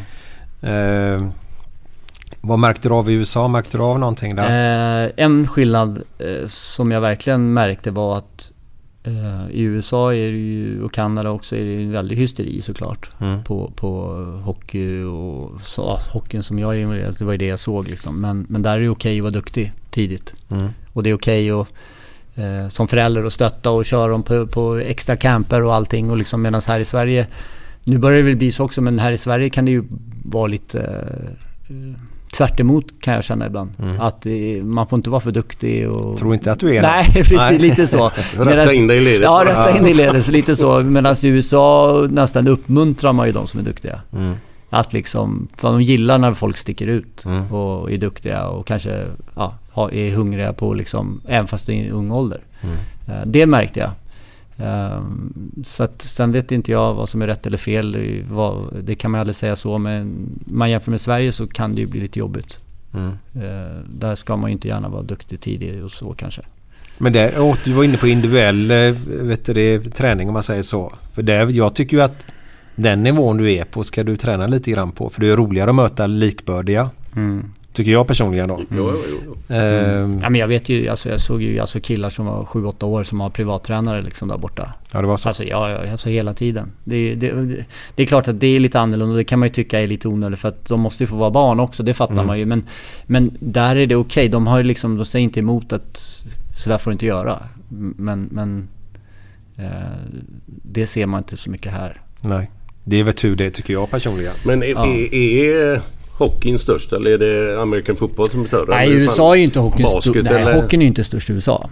I Kanada är det ju verkligen nummer ett på alla sätt. Eh, Det är ju helt magiskt häftigt faktiskt för att eh, du ser ju, om du är uppe tidigt på morgonen, du vet, då åker ju alla, alla män åker ju upp sex hemifrån.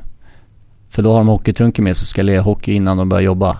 Nej, Jo, jo, men är det så? Ja, det, Det är som korpen Ja men det, ja, ja, alla lirar ju. Så att det, och det är, det är ju häftigt på något sätt. Ja. Det, det, är ju, det är ju hockeyn där borta alltså. Det är kärlek. Och, ja men så är det ju. Och, och faktiskt så hade ju vi, vi hade ett litet break på ja, tre, fyra dagar, var hemma i Calgary, så hade vi några bekanta utanför hockeyn då som eh, som vi lärde känna som, som hade biljetter på, på hockeymatchen och så. De hade barn i samma ålder som, som vi hade då.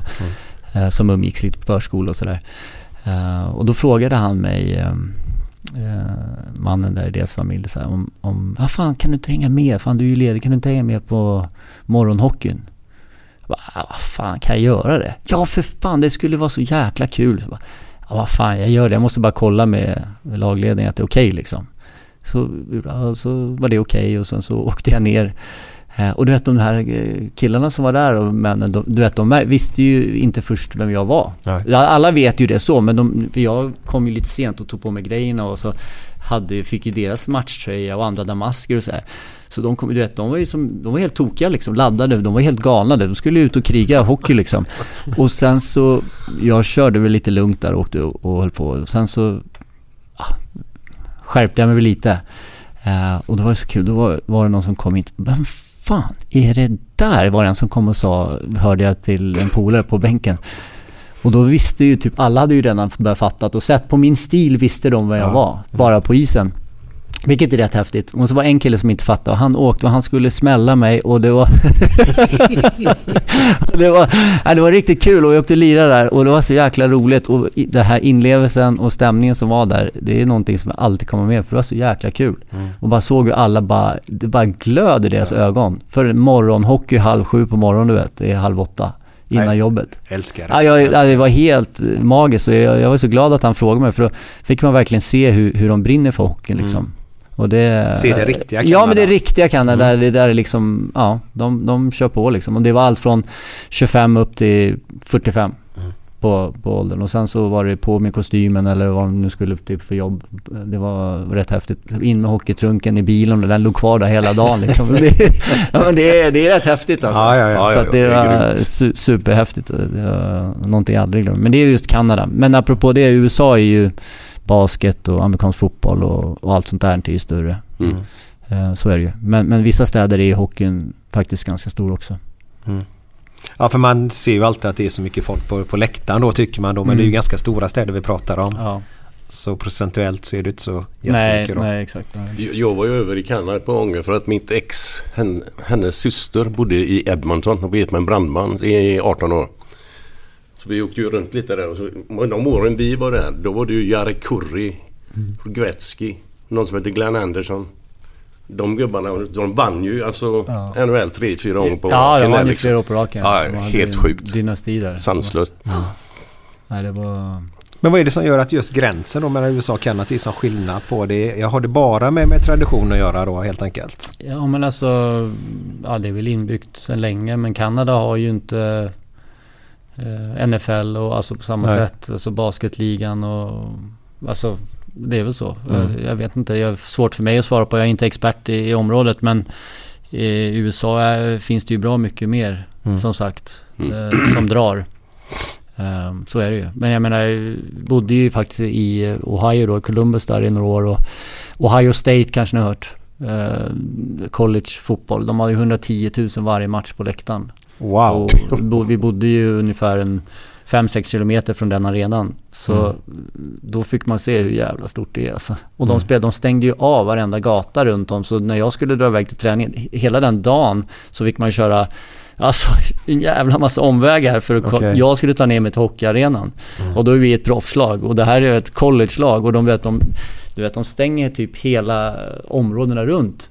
Oj. För att collegelagen som spelar fotboll, 110 000 pers ska komma på Är läktaren. det då de håller på med sån här barbecue och grejer? Ja, exakt, exakt. Det är Ja, ja, På ja, på parkeringsplatser och parkeringen. Ja, men det är, det är häftigt alltså. Det är häftigt. Jag har bara hört talas om det, aldrig sett Ja, det så nej men det är ju häftigt när man kan få se det och förstå hur stort det är. Och det, någonstans är det jäkligt kul för folk lever efter det här. Mm. Och det alltså, höjer ju upp kvaliteten i stan på något sätt. Mm. Alltså, det måste man säga. Då, grannarna öppnar upp för varandra och det är barbecue-party alltså, överallt. Det är för Och de bröda på ett bra sätt. bjuder in alla och man är där och hänger och kollar. Och det, samtidigt så, de är inte så sportintresserade egentligen. Det, det. det är det som är.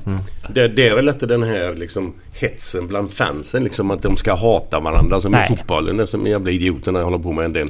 Nej. Där är det, de går ju dit för att ha kul liksom. Ja. Sen de sitter bredvid en Ja. motståndarsupporter skiter Ja, väl om nej, det. de sitter ju och kör high five liksom. Ja, alltså så är det ju.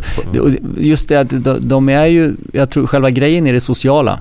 Mm. I det hela. Att du liksom har den här grejen runt och det är en hel dag som går till det. Och du, lite amerikanskt då att du ska alltid bräcka grannen och lite sådär att liksom, ja vi bjöd dit honom, nu ska vi ännu mer pizza på där. Eller nu ska vi, alltså det är lite så. Vi ska två flak öl, grannen hade bara ett flak. Lite så är det ju. Men, men någonstans är det ändå en trevlig känsla att eh, ja, stan lever upp. Nu är det college-match liksom. Mm. Och då ska man vara på ett visst sätt. Man ska alltid ha på sig den där Ohio State-tröjan och man ska alltid göra det så. Så att det lite kul ändå. Ja men det är fint är det. Jo men det är det. det är, Sver- Sverige är inte riktigt uppbyggt på det sättet. Nej. Så är det ju inte. Men, men det är någonstans när man har sett det så tycker man ändå att det är lite kul. De är ju väldigt patriotiska och sådär också men det är ändå kul eh, att se det på nära håll för att det är så jäkla stort. I och för sig så finns det ju så otroligt mycket pengar och det är det det handlar om i det också. Men, men det är ändå häftigt att, att se hur intresset kan finnas på det sättet alltså. Mm. Mm. Och det är ju skönt att, som du sa, inget läktarvåld precis. Nej, nej. Eh, Att man kan hålla det till den nivån. Det är inte så att de börjar bråka på läktaren för att de, laget förlorar eller sådär. Eller vill söka bråk för att de eh, hejar på en annan förening.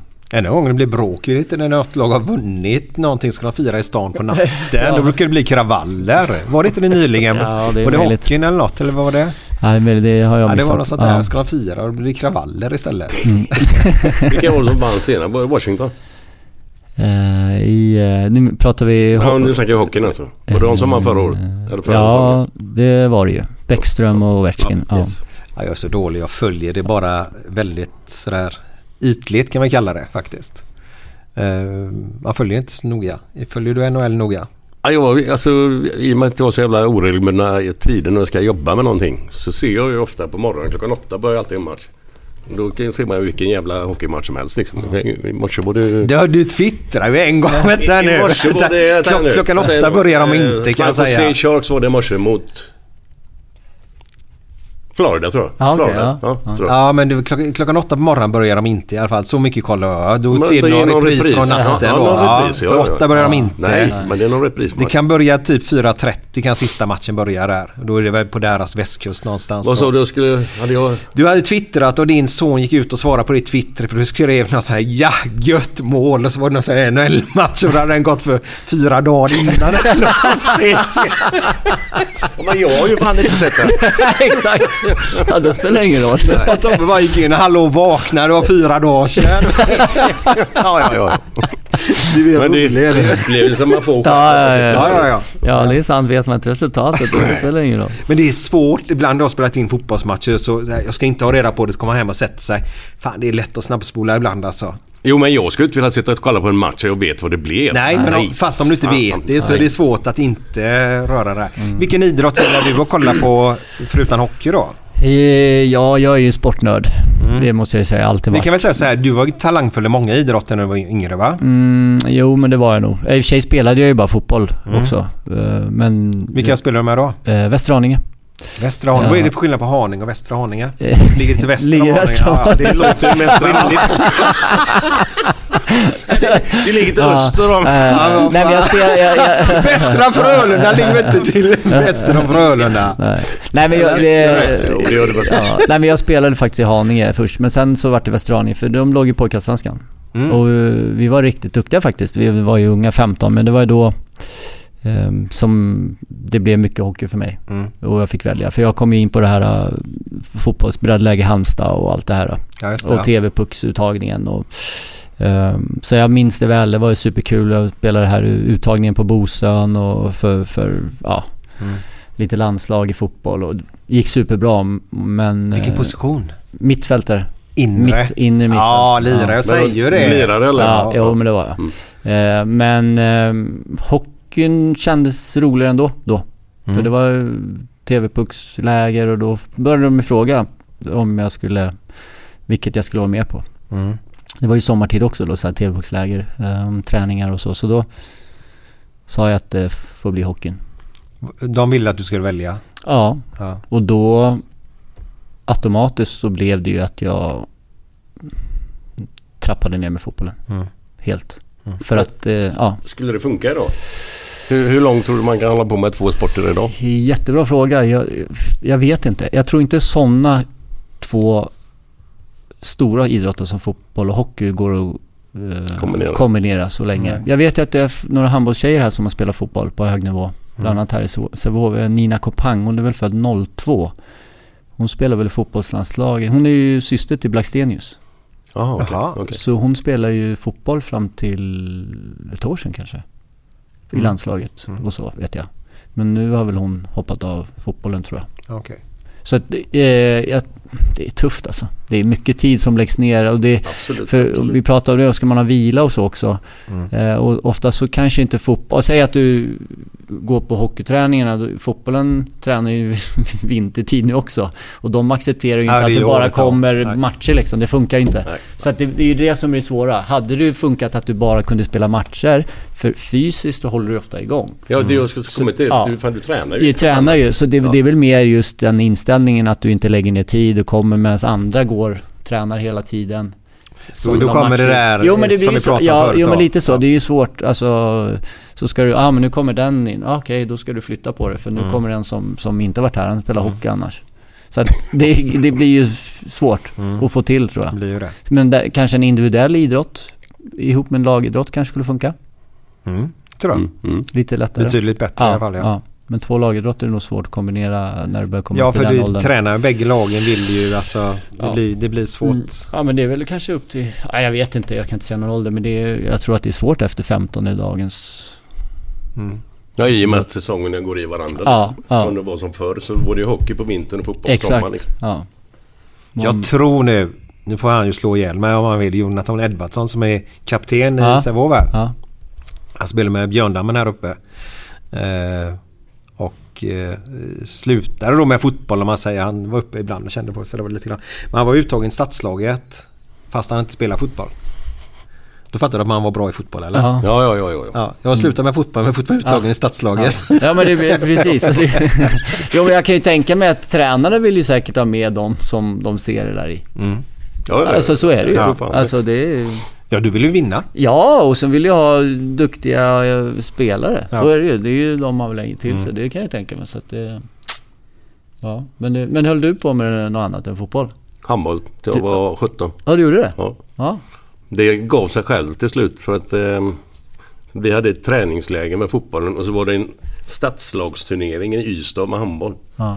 Och då valde jag en annan kille, Stefan Andersson. Och välja, valde vi fotbollen. Mm. Och sen var vi inte välkomna till handbollen efter det. så det gick av sig själv. ja, ja. Slipper man välja. ja. Och, eh, och Tobbe då? Hur, vad höll han på med? Han spelar ju för fan handboll han också rätt Ja. länge.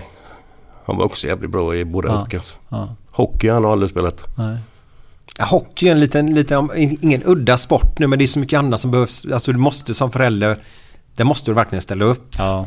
Med alla körningar och trunkar och allting. Och Det kostar ju en del också. Ja, kostar det kostar en del. Ja, och, om du jämför med ett Mm. par fotbollsskor på ja, liksom, det, ja. Nej, det kostar mycket från början. Ett par skridskor och bara en klubba kostar jättemycket då. Mm. helst idag. Klubbarna Ja, är ju svindyra. Vad heter de här nya klubbarna? Eh, Tack jag vet att träklubbarna var grymma. Ja, men de går ju mer pjong... eh, Jo men de verkar inte tåla så mycket Nej, de nej. klubbarna. De går ju sönder hela tiden. Det var ju brist Ja, på det från Kina ja, också. ja. Vad heter de? Ja, det, det hette ju Aluminiumklubben när det kom först. Eh, Jag vet inte om det heter något annat idag. Det heter... ehm, Jo men de heter Ja, men det ju- heter... Uh, nu står det still. Du skjuter mycket hårdare med. Ja, det, men de är lättare och Ja, nu står det still. Sitter jag här, gammal hockeyspelare, inte kan säga namnet på någon Men, men, men, men, men de går sönder, de är svindyra. Vad man säger, de, det är fliser för fan. Ja, ja, men det- ja, ja. Ja, vi ber om ursäkt, vi inte kommer på ordet här nej, nu. Men, nej, men det, nej, men det är så... så de går inte- Abonit. Ja, granit skulle jag ha sagt, Ja. men det är åt det hållet är det. Ja. Ja, men det, nej, men det går, inte- de går inte sönder så lätt. Som det låter. Jo men det, då har du ju fått, fått en smäll och sen så går okej. av liksom innan. Så. Men, Ja. eh, men, men ja, det går ju ändå klubbor. Mm. Eh, men de som spelar på den nivån är ju materiallirare ändå. Så de byter ju oftast ny klubba varje match. ja, det är så. Lite så ja. är det ju. Så att det är ju... Ja. Är det 4-5 tusen för en sån eller? Ja, tre. Ja, ja. Mm, det är det. Det skulle jag säga. Här. Ja, jag vet ju, jag, jag hade ju en klubba ny till varje match som jag tog själv då. Alltid som jag tejpade en ny klubba och sen hade man ju alltid reservklubben, vad från nästa och sådär. Men jag Men- tog alltid en ny till varje match. Tejpade de själv? Vad sa du? Tejpade Ja, klubban tejpade själv gjorde jag. Ja. gör? Nej, nej, jag var jättenoggrann med sådär. Jag höll på med det där. För jag började redan när jag hade träklubbor. Jag stod och filade på dem och tejpade på mitt sätt. Jag hade ju en väldigt speciell låg vinkel och tejpade på ett speciellt... Jag hade ju ingen tejp runt. Jag tejpade bara en liten Aha. streck längst ner. Eh, så du ha men, men, på- men knoppen som jag höll i, den höll jag på att fila och dona med hela tiden. Och tejpa och... Så, ja men det var min grej liksom. Men varför en ny klubba? Blir det bättre swing på det då? Ja. Eller var, eller var det satt bara i huvudet? Skrockfull. Ja. Men sen även svikten. Det kändes bättre att den var ny och liksom... Ja, så, så, var, så vart det när man väl kom dit. Mm. eh, och hade möjligheten. Och, och så var det väl inte i Frölunda. Då hade man ett visst antal klubbor och då körde man med dem liksom. Ja. Träklubborna. Jag hade faktiskt träklubbor. Jag, jag, jag, jag, sa ju, jag körde ju träklubbor och, och jag var väl känd för min klubbteknik bland annat. Mm. Och då, då, då sa jag så ah, men lova att du kör till klubb, klubba, samma träklubba där borta. Ja, ja, för fan, inga problem. Mm. Det ska jag göra. Två träningsmatcher så hade de slagit av fyra klubbor av mig på typ två perioder. Alltså, ja men alltså det bara small. Okej. Så, så de, de höll inte, det kan jag Nej. säga. För du vet bara vid tekningen så stod de så puff! Slog de med ja, grafitklubban. Ja. Så, Så, ja. slog, de, ja, slog de på bladet. Så det var bara... Så var det bara hål i, i träklubban liksom. Så jag fick ju byta direkt. Mm. Så då, och då började jag ju prova deras klubba och då kände jag, åh fy fan, det här var lite bättre grejer. Ja, det vore ju konstigt om någon uppfann grejer som ja, var sämre. Ja, nej, men exakt. För, och sen så, sen så, ja, sen så körde jag med sådana klubbor. Sen så får man ju kontrakt och så jag hade ju Ja. Bauer och då när man får egna liksom mallar eftersom man har, det är ju så skönt, då blir man ju så bortskämd. Mm. Då står de bara där i sin, sitt hörn liksom, klubbarna exakt som man ska ha dem och så. Hur mycket pengar kan en, en stor stjärna i NHL tjäna på, på extrainkomster om man säger så med reklam och sånt? Jag, jag Är tror att de själva sto, lönen? stora, riktigt stora namnen tjänar nog hyfsat. Men det är inte alls, hockeyn är nog inte alls så mycket reklampengar som många andra idrotter skulle jag Nej. säga. Eh, individuellt faktiskt. Sen de allra, allra bästa har ju sina bra dealer såklart. Men Mm. om man säger generellt, jag, jag tror inte liksom, ja men säg en toppspelare i laget som eh, gör mycket poäng och syns utan han har nog inte, han kanske har kontrakt med Bauer liksom. Har Mm. gratis utrustning. Bara det är mycket pengar. Ja. Gratis, alltså så är det med klubbor och allting så. Och sen kanske har att han får lite eh, grejer från Nike för 20 000 per år. Ja, okej. Typ så. Mm. Alltså det, det vet jag att det är många som har så. Mm. Ehm, bland annat jag hade det, ungefär ett sådana deal. Och det var många i, i lagen som hade så.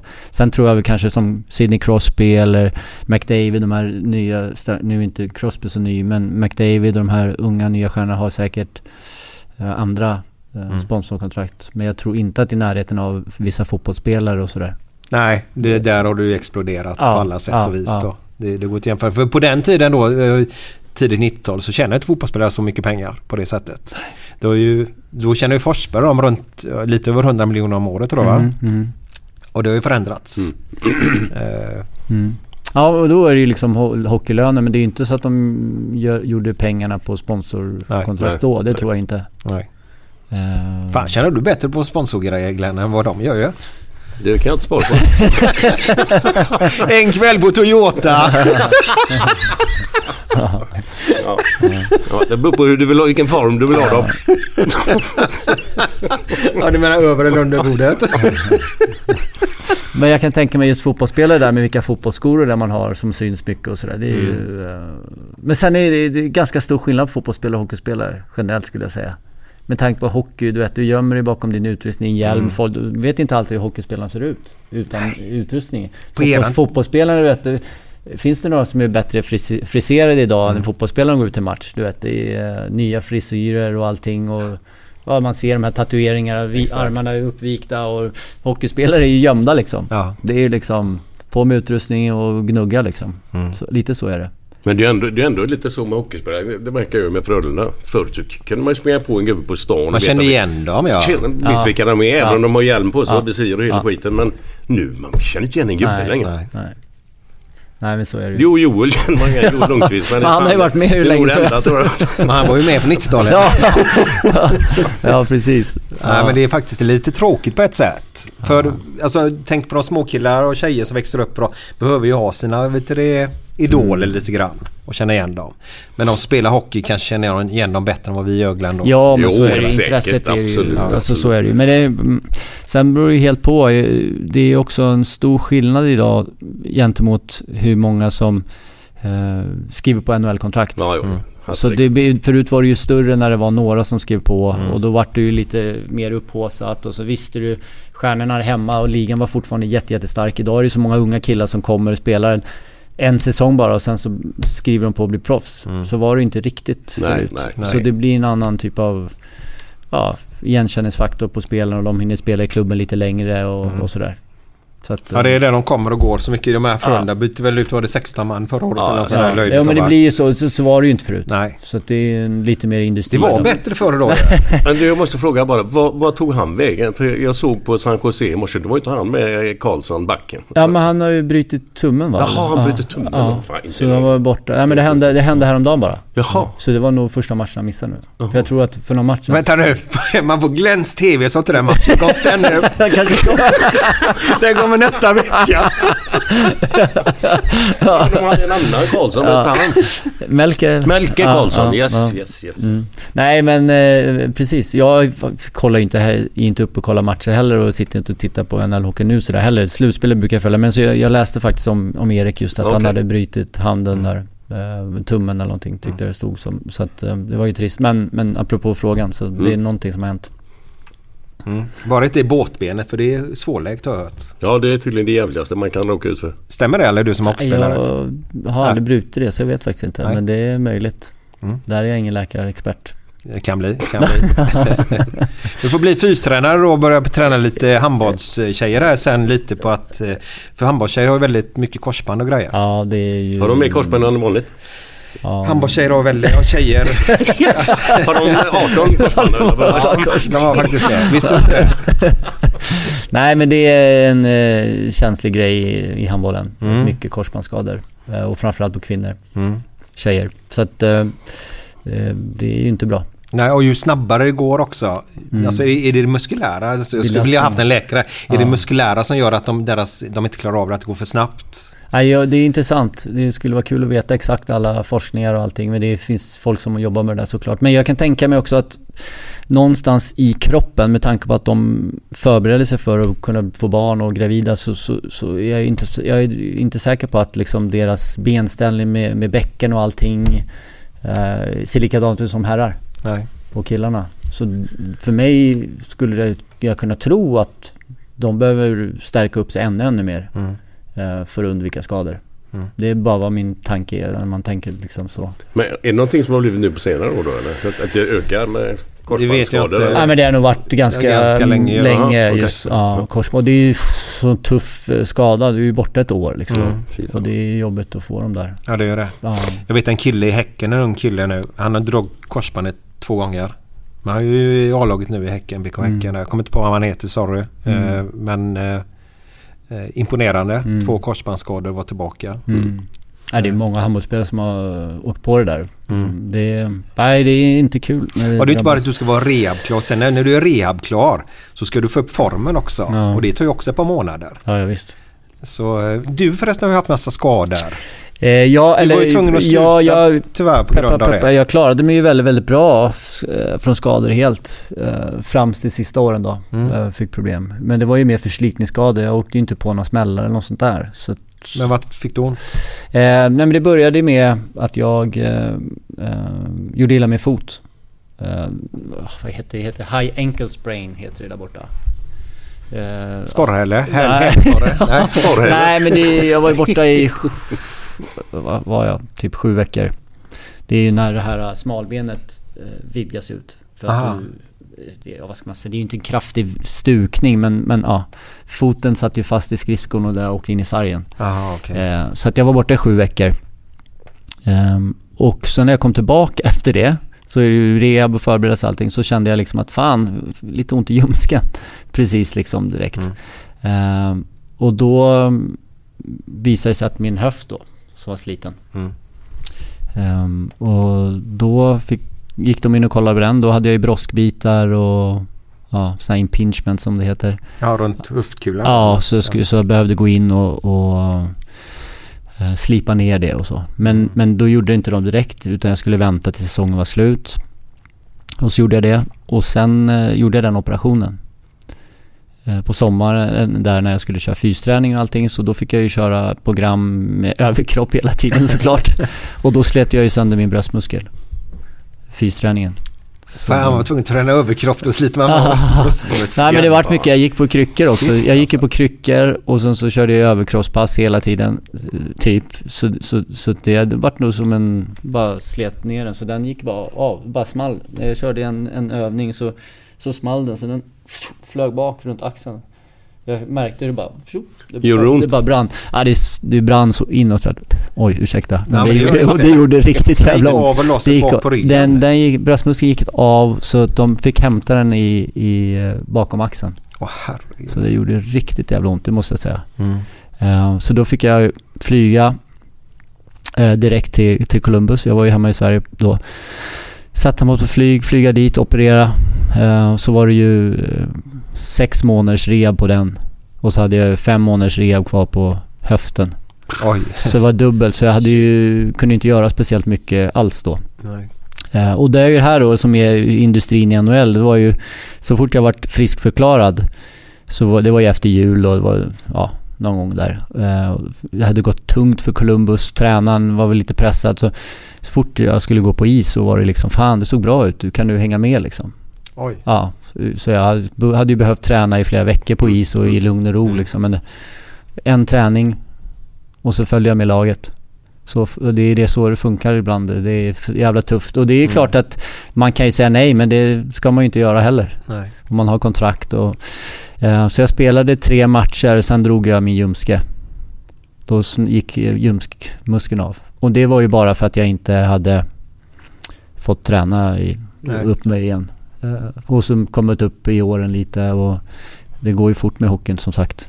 Påfrestningar. Så då, då gick ljumsken och då var det ju tufft. Då var jag borta resten av det och sen var det lockout här hemma eh, 2012. Och då skulle jag rehabba och sen så skulle jag tillbaka till NHL, hade tänkt. Jag hade ett nytt tvåårskontrakt där borta. Eh, men då kände jag när jag efter jul skulle komma tillbaka och fick kontrakt med AIK då eh, under lockouten så tänkte jag var skönt att vara hemma i Stockholm och bygga upp mig och, och så fort jag gick på is med AIK så kände jag att nej, höften sa nej. och ja, liksom den gjorde fortfarande ont. Fick tänka på vilka håll jag skulle svänga. Åh fy fan. Ja, så då börjar man ju tycka att det kändes inte lika kul som man är van. Man har ju de högsta kraven på sig själv och när man känner att det är jobbigt att man behöver tänka och svänga på vänster, till vänster istället för höger, då, då blir det inte lika kul att spela. Men du sa att du ringde läkaren direkt där i Columbus när du slet av bröst... Ja. Det är inte så att de skulle aldrig godkänna att en svensk läkare skulle operera dig, eller? Nej, nej. Nej. Utan det var åka dit direkt. Ja. Mm, precis. Så att, men jag spelade ju fyra matcher för AIK Mm. i alla fall då. Det, det var ju lite så tacksam, tacksam för att de hjälpte mig med rehabträningen och, och publiken var schysst. Ett härligt stöd. De gjorde en fantastisk presentation för mig där. ehm, ja, på Hovet när vi skulle spela. Men min första match var ju här i Skandinavien. Efter tillbaka mot Frölunda. Hur gick det? Vi vann med 2-1. Ja, fan. Så det var kul. och det AIK hade inte vunnit på länge och Frölunda hade ju vunnit. Eller det var en viktig match för dem också. Det var lite kul. Men ja, det var ju 2012. Men vad har du tänkt på det? Du vann där med AIK mot Frölunda. Mm. Och sen så gjorde du eh, tre assist vid Calgary i första matchen. Mm. Eller hur? Ja, när jag bytte till Calgary. Ja, Ja. precis. Och i Florida, uppe i New York där. Ja, men det var första matchen i New York. Men i Ja. Florida gjorde jag mål första gången jag rörde pucken i mina första NHL-match. Du ska Det bara spela häftigt. första matchen i alla lag. Ja, Ska byta klubb hela Ja, tiden. det, var, det var faktiskt rätt häftigt faktiskt, det måste jag säga. Det var... Eh, det var Philadelphia borta. Och stod, man hade ju liksom lite ståpäls på nationalsången Mm. och man så fan shit jag ska spela första NHL-matchen. Det var rätt häftigt. Och, Philadelphia är en riktigt härlig arena att spela i. Mm. Publiken är ju tokiga där. De har alltid varit kända för att det är högljudd och... ehm, och sen så... Ja, det var mitt första byte. Mm. Så jag st- stod på bänken och liksom väntade och sen så när jag fick hoppa in så fick jag pucken i mittzon direkt och bara kände shit. Kom in två mot ett läge direkt och sen Mm. så fintade jag en pass över till, till, jag tror, det var, tror att det var Jason Weimer, eh, center som jag hade med mig. Och sen så tittade jag upp så kom jag fri mot Ceshmanek och så la jag mellan benen på honom. Vad är känslan Ja, du vet, det går inte för... Och så var det helt tyst, du vet. Hela arenan var helt tvärtyst. Då- och jag hörde då, då hörde man ju från båset liksom, bara, alla bara yeah, du vet, du, du vet känslan, man, det är ju som en... Nej, Nej, det går, inte ens att beskriva. Nej, nej. Så att det var någonting som, som ja, ja, får man uppleva en sån känsla igen då, då vill man ju gärna ta den alltså. Men det helt galet. Det var magiskt faktiskt. Eh, första NHL-matchen och den känslan när man liksom krigat för att komma dit och allting. Så det var riktigt kul. Och då blev det ju som att man kände sig så här accepterad i laget också. Direkt. Mm. Så kände jag, som en trygghet att liksom, ja, nu kanske allting funkar liksom. Så att det, ja, det var superkul. Men jag, jag tror jag faktiskt har lite rolig kuriosa på det. Jag tror jag har ett rekord där i NHL. För jag gjorde mål sen i nästa säsongstart, året efter. Mm. Så gjorde jag mål första gången jag rörde pucken också. Och så gjorde jag det det tredje året också. Nej, Jo. hur fan är det sjukt? Vad säger du? Ska spela först av allt hela tiden Ja, bara. nej, men så det det var första, första, ja, jag vet, så första skott, ja, det är helt otroligt faktiskt. Jag, jag tänkt på det också, att det är helt Mm. sjukt. Första gången man rör pucken Men du, hade i de, varje match. Hade de uppmärksammat det efter de två första gångerna i Ja, tidningar och så? ja. Och så kommer det en tredje gång? Tredje gången, första gången jag, rörde pucken. eh, Vilken press tredje på match. fjärde Ja, gången då. det var, så blev det ingen fjärde. Alla var Nej, men att det, det kommer inte vara lätt för någon att göra om det, tror jag inte. Nej, fan ska det gå till? Men du har ett annat härligt rekord innan vi ska avsluta här. Mm. Eh, det var någonting eh, i elitserien va? Mm. Sex, ja, vad, hur man nu Ja. räknar. Jag är så dålig på det här. Mm. Så får hjälpa mig. Sex i elitserien. Ja. Nej, men jag vet att... Jo, men det vet jag. Det, det står sig väl idag också va? Att eh, jag vann... Jag är den enda som har vunnit alla ligor. Ja, för, kan du förklara vilka ligorna vi pratar om då? Eh, det var ju mest mål, Mest mål. eh, mest assist, Mm. eh, mest peng, poäng, Mm. mest mål i powerplay, Mm. mest mål... Eh, I boxplay eller? matchavgörande. Matchavgörande ja. Eh, mest mål i boxplay. Det är grymt Glenn. Det är Så ju att, eh, helt jävla mm, makalöst. Så jag vann alla sex ligor som man Ja. räknar. Ja. När var det? Sista året Frölunda 2001 blir det va? Mm. Två- 2000. Vad fan det var? 2000? Ja, jag Ja, ja men hjälpa 2000, dig. ja där. Mm. Eh, precis innan jag blev proffs. Hur gick det för er då i laget? Vi åkte ut mot eh, Färjestad. Gjorde vi I tyvärr. slutspelet? Ja. Inte mot Färjestad. ja, jag vet. Det var, men de var bra då. Jo, jo, men ändå. Tyvärr. Tyvärr. Ja, de var bra. Så att, men vi gjorde ju bra. Men de hade ju avgörande hemma. Mm. Så är det. Jag tror vi vann hemma stort så här 7-1, 7-2. Men Okej. de vann ju hemma så att Mm. det spelade ingen roll liksom. De, ja. Men de var bra. De hade ju fantastiskt lag. Så det var inte så. Och vi, vi var ju duktiga också men vi hade ju lite för tunn trupp om man ska säga. Vår första kedja var ju fantastisk. Vilka var det? Eh, det var ju jag, Jonas Jonsson, eh, ja, Patrik Kahnbäck eller Peter Ström. Mm. Eh, så var, var det Mange Johansson på backen. Eh, och sen var det ju Stefan Larsson var nog skadad. Sundin? Sundin? ja, Sundin spelade nog där. Ja, Mm. lite upp och ner. Så, men, så den var ju, vi spelade ju fantastiskt bra. Men det, vi var lite tunna tyvärr. Eh, eh, bredden. Mm. Ehm, så Färjestad var för starka. Men det var i alla fall helt enorm säsong. Och, och den känslan individuellt för mig när man tar med sig och blir proffs, det var ju grymt alltså. Ja, och publiken och allting stöttan och åkte runt med den där guldhjälmen hela året nästan. Ja. Man hade ju sån där då. så att, men det var, det var superkul. Eh, ja, det som sagt går inte att beskriva och sen med de lagkamraterna som är delaktiga i att man lyckas. Eh, Jonsson då som center som Ja, han var fantastisk alltså. Vilken spelare. Blick för spelet och snabb och hade... Han gjorde ju lättare för mig också. Mm. Såklart, så är det ju. Men äh, ja, det var en grym, grym tid. Vad, eh, har du något gott råd att ge ungdomar nu som kanske är 16-17 år och på väg ut i någon idrott? Har du lust att ge något råd innan vi avslutar? Ja, alltså det, jag tycker ju att råd, för jag gjorde ju faktiskt så, nu kan man ju inte säga, det är individuellt och ska jag säga att det är rätt det jag gjorde. Men jag stannade ju kvar trots att jag hade, hade kontraktsförslag klart från Florida Panthers. Mm. Eh, och de erbjöd mig, men jag stannade ju. Jag ville ju spela, för första året i Frölunda fick jag kontraktsförslag och komma över. Okej. Jag ville ju stanna och jag hade spelat i landslaget då, men jag kände ju att jag ville vara bäst här hemma först. Mm. Jag ville verkligen känna att jag skulle vara bäst. Eh, Det var, det var min tanke, för jag kände inte... Efter första året med Frölunda kände jag att jag var riktigt bra hockeyspelare. Men jag kunde bygga på min fysik ännu mer och så ville jag känna att jag var dominant i landslaget. Mm. För var, man, var inte jag det så då är man ju inte dominant där borta. Nej. Så var ju min tanke. Eh, För jag, så jag stannade och efter det sista året där med Frölunda så det är klart, då var det ju naturligt. Eh, Med tanke på att jag hade en sån säsong. Eh, Och då gjorde, vart det ju också så jag spelade aldrig en farmarliga-match. Utan de gjorde plats för mig och sen så var jag nog så pass bra så att jag gick in i laget direkt. Och, och det gjorde mycket att man liksom, ja, hade den tryggheten att man... Vad gjorde du 60-70 i landskampen eller? Nej, inte så många. Ja, eller totalt menar du? Ja, eller innan? Ja, för sen så, jag spelade ju ett gäng innan och VM och så innan där. Jag blev proffs. Sen så, problemet är att sen spelar man inte så mycket landskamper. Nej, Eftersom nej. du är där borta. Jag Ja, kom ja, hem till några. VM. Jag spelade ju tre precis. VM och så här, Ja, så det, yes. Sen när jag började bli äldre så mm, prioriterar man ju familjen lite och så. Och, ja, det är tuffa, långa säsonger faktiskt. Så, och det, vilket är bra, för det är oftast många unga killar som spelar VM och så innan. Men när eh, man förstår hur mycket man spelar där borta så är det tufft om man inte är helt fräsch och åka och spela VM. Nej, jag gjorde det nej, några det- gånger men det, som sagt, jag spelade ju ett gäng landskamper innan jag blev proffs. Och kanske gjorde nå, jag gjorde nog två VM efter också. Men... eh, Men ditt råd är till dem, ha inte så bråttom. Ja, men det är nog det. Eller bråttom, det, alltså förstår jag menar? Det är mer att man ska vara trygg i sig själv och känna att man är färdig. Man måste jämf- inte jämföra med vad tidningarna skriver eller att... eh, Utan du måste jämföra med att du är färdig och känner att okej, för finns det 28 bättre spelare här hemma som inte är proffs så är det av en anledning. Mm. Så, så det var lite så jag tänkte i alla fall. Och jag vet ju att min agent tyckte att jag skulle åka över och, och när man har kontrakt, det är lätt att göra det. Det är svårt att, att, att tacka nej till pengar också. Med tanke på att man kanske blir skadad eller så. Samtidigt så gör, brinner man ju för hockeyn. Det är det man vill spela.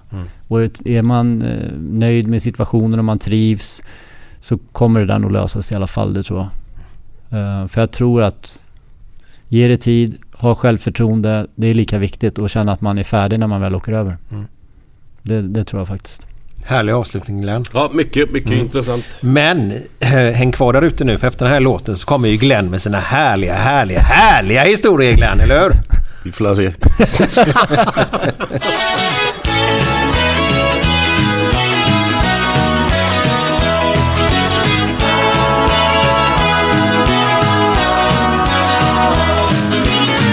Du kan alltid lita på pojkarna över 35. Räck dem gärna handen så följer de dig hem. Söker du mannen med stil och etikett ska du välja 35 och inte någon discosprätt. Det glada 50-talet gav oss vår fysik Country rock och boogie-woogie, ja det var vår musik. Vi lekte inte av oss rommen i unga dagar. Nej, för den som spar, han har. Ja, du kan alltid lita på pojkarna över 35 Räck dem gärna handen så följer de dig hem. Söker du mannen med stil och etikett Då ska du välja 35 och inte någon discosprätt Är du som många andra längtansfulla kvinnor Du går och drömmer om din egen sagoprins. Då ska du öppna sinnet och inte stänga din dörr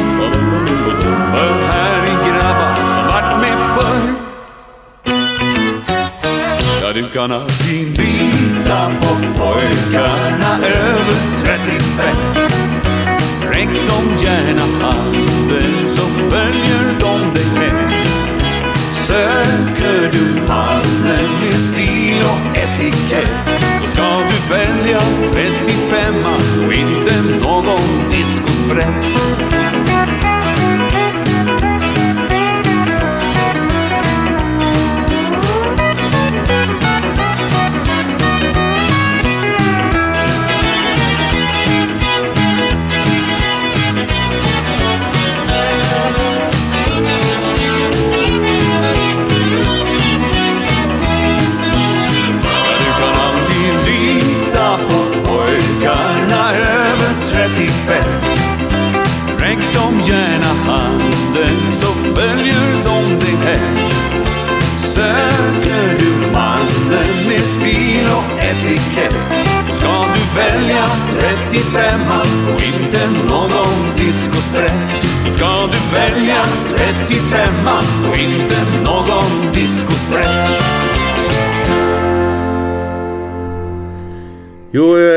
eftersom vi har en eh, hockeyspelare här idag. Vet du vad det är för likhet mellan hockeyspelare och terrorister? Båda gillar is. Ja, det var, det var bra. Ja, men det stämmer. Ja, ja, ja. ja, ja. Sen, du, det var en, en gubbe som kom i Borås gående. Med 20 pingviner framför sig. Så kom polisen och sa, vad i helvete håller du på med? Ja, jag ska upp till djurparken jag tänkte vi. Ja, ta bort dem från gatan här så fort som. Jag vill aldrig se det här igen. Nej, nej, okej. Gick på dagen efter. Kommer samma gubbe, 20 kvin pingviner och polisen var där igen. Du sa ju för fan att ni skulle upp till djurparken igår. Ja, igår ja. Idag ska vi gå på bio. ja. Jag kan väl ta eh, sexigaste militären i Chile. Vet du vad det är? Sexigaste militären. I Chile? Fäbodjuntan! Ja, ja. Ja. ja. Vi tar en sista. Världens petigaste fågel.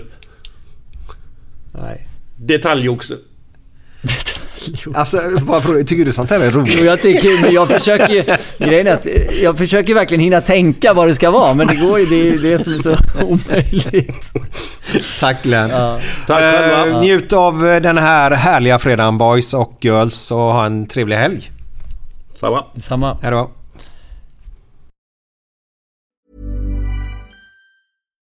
Imagine the softest sheets you've ever felt. Now imagine them getting even softer over time. That's what you'll feel with Bowl and Branch's organic cotton sheets. In a recent customer survey, 96% replied that Bowl and Branch sheets get softer with every wash. Start getting your best night's sleep in these sheets that get softer and softer for years to come. Try their sheets with a 30-night guarantee. Plus, get 15% off your first order at bowlandbranch.com. Code BUTTERY. Exclusions apply. See site for details.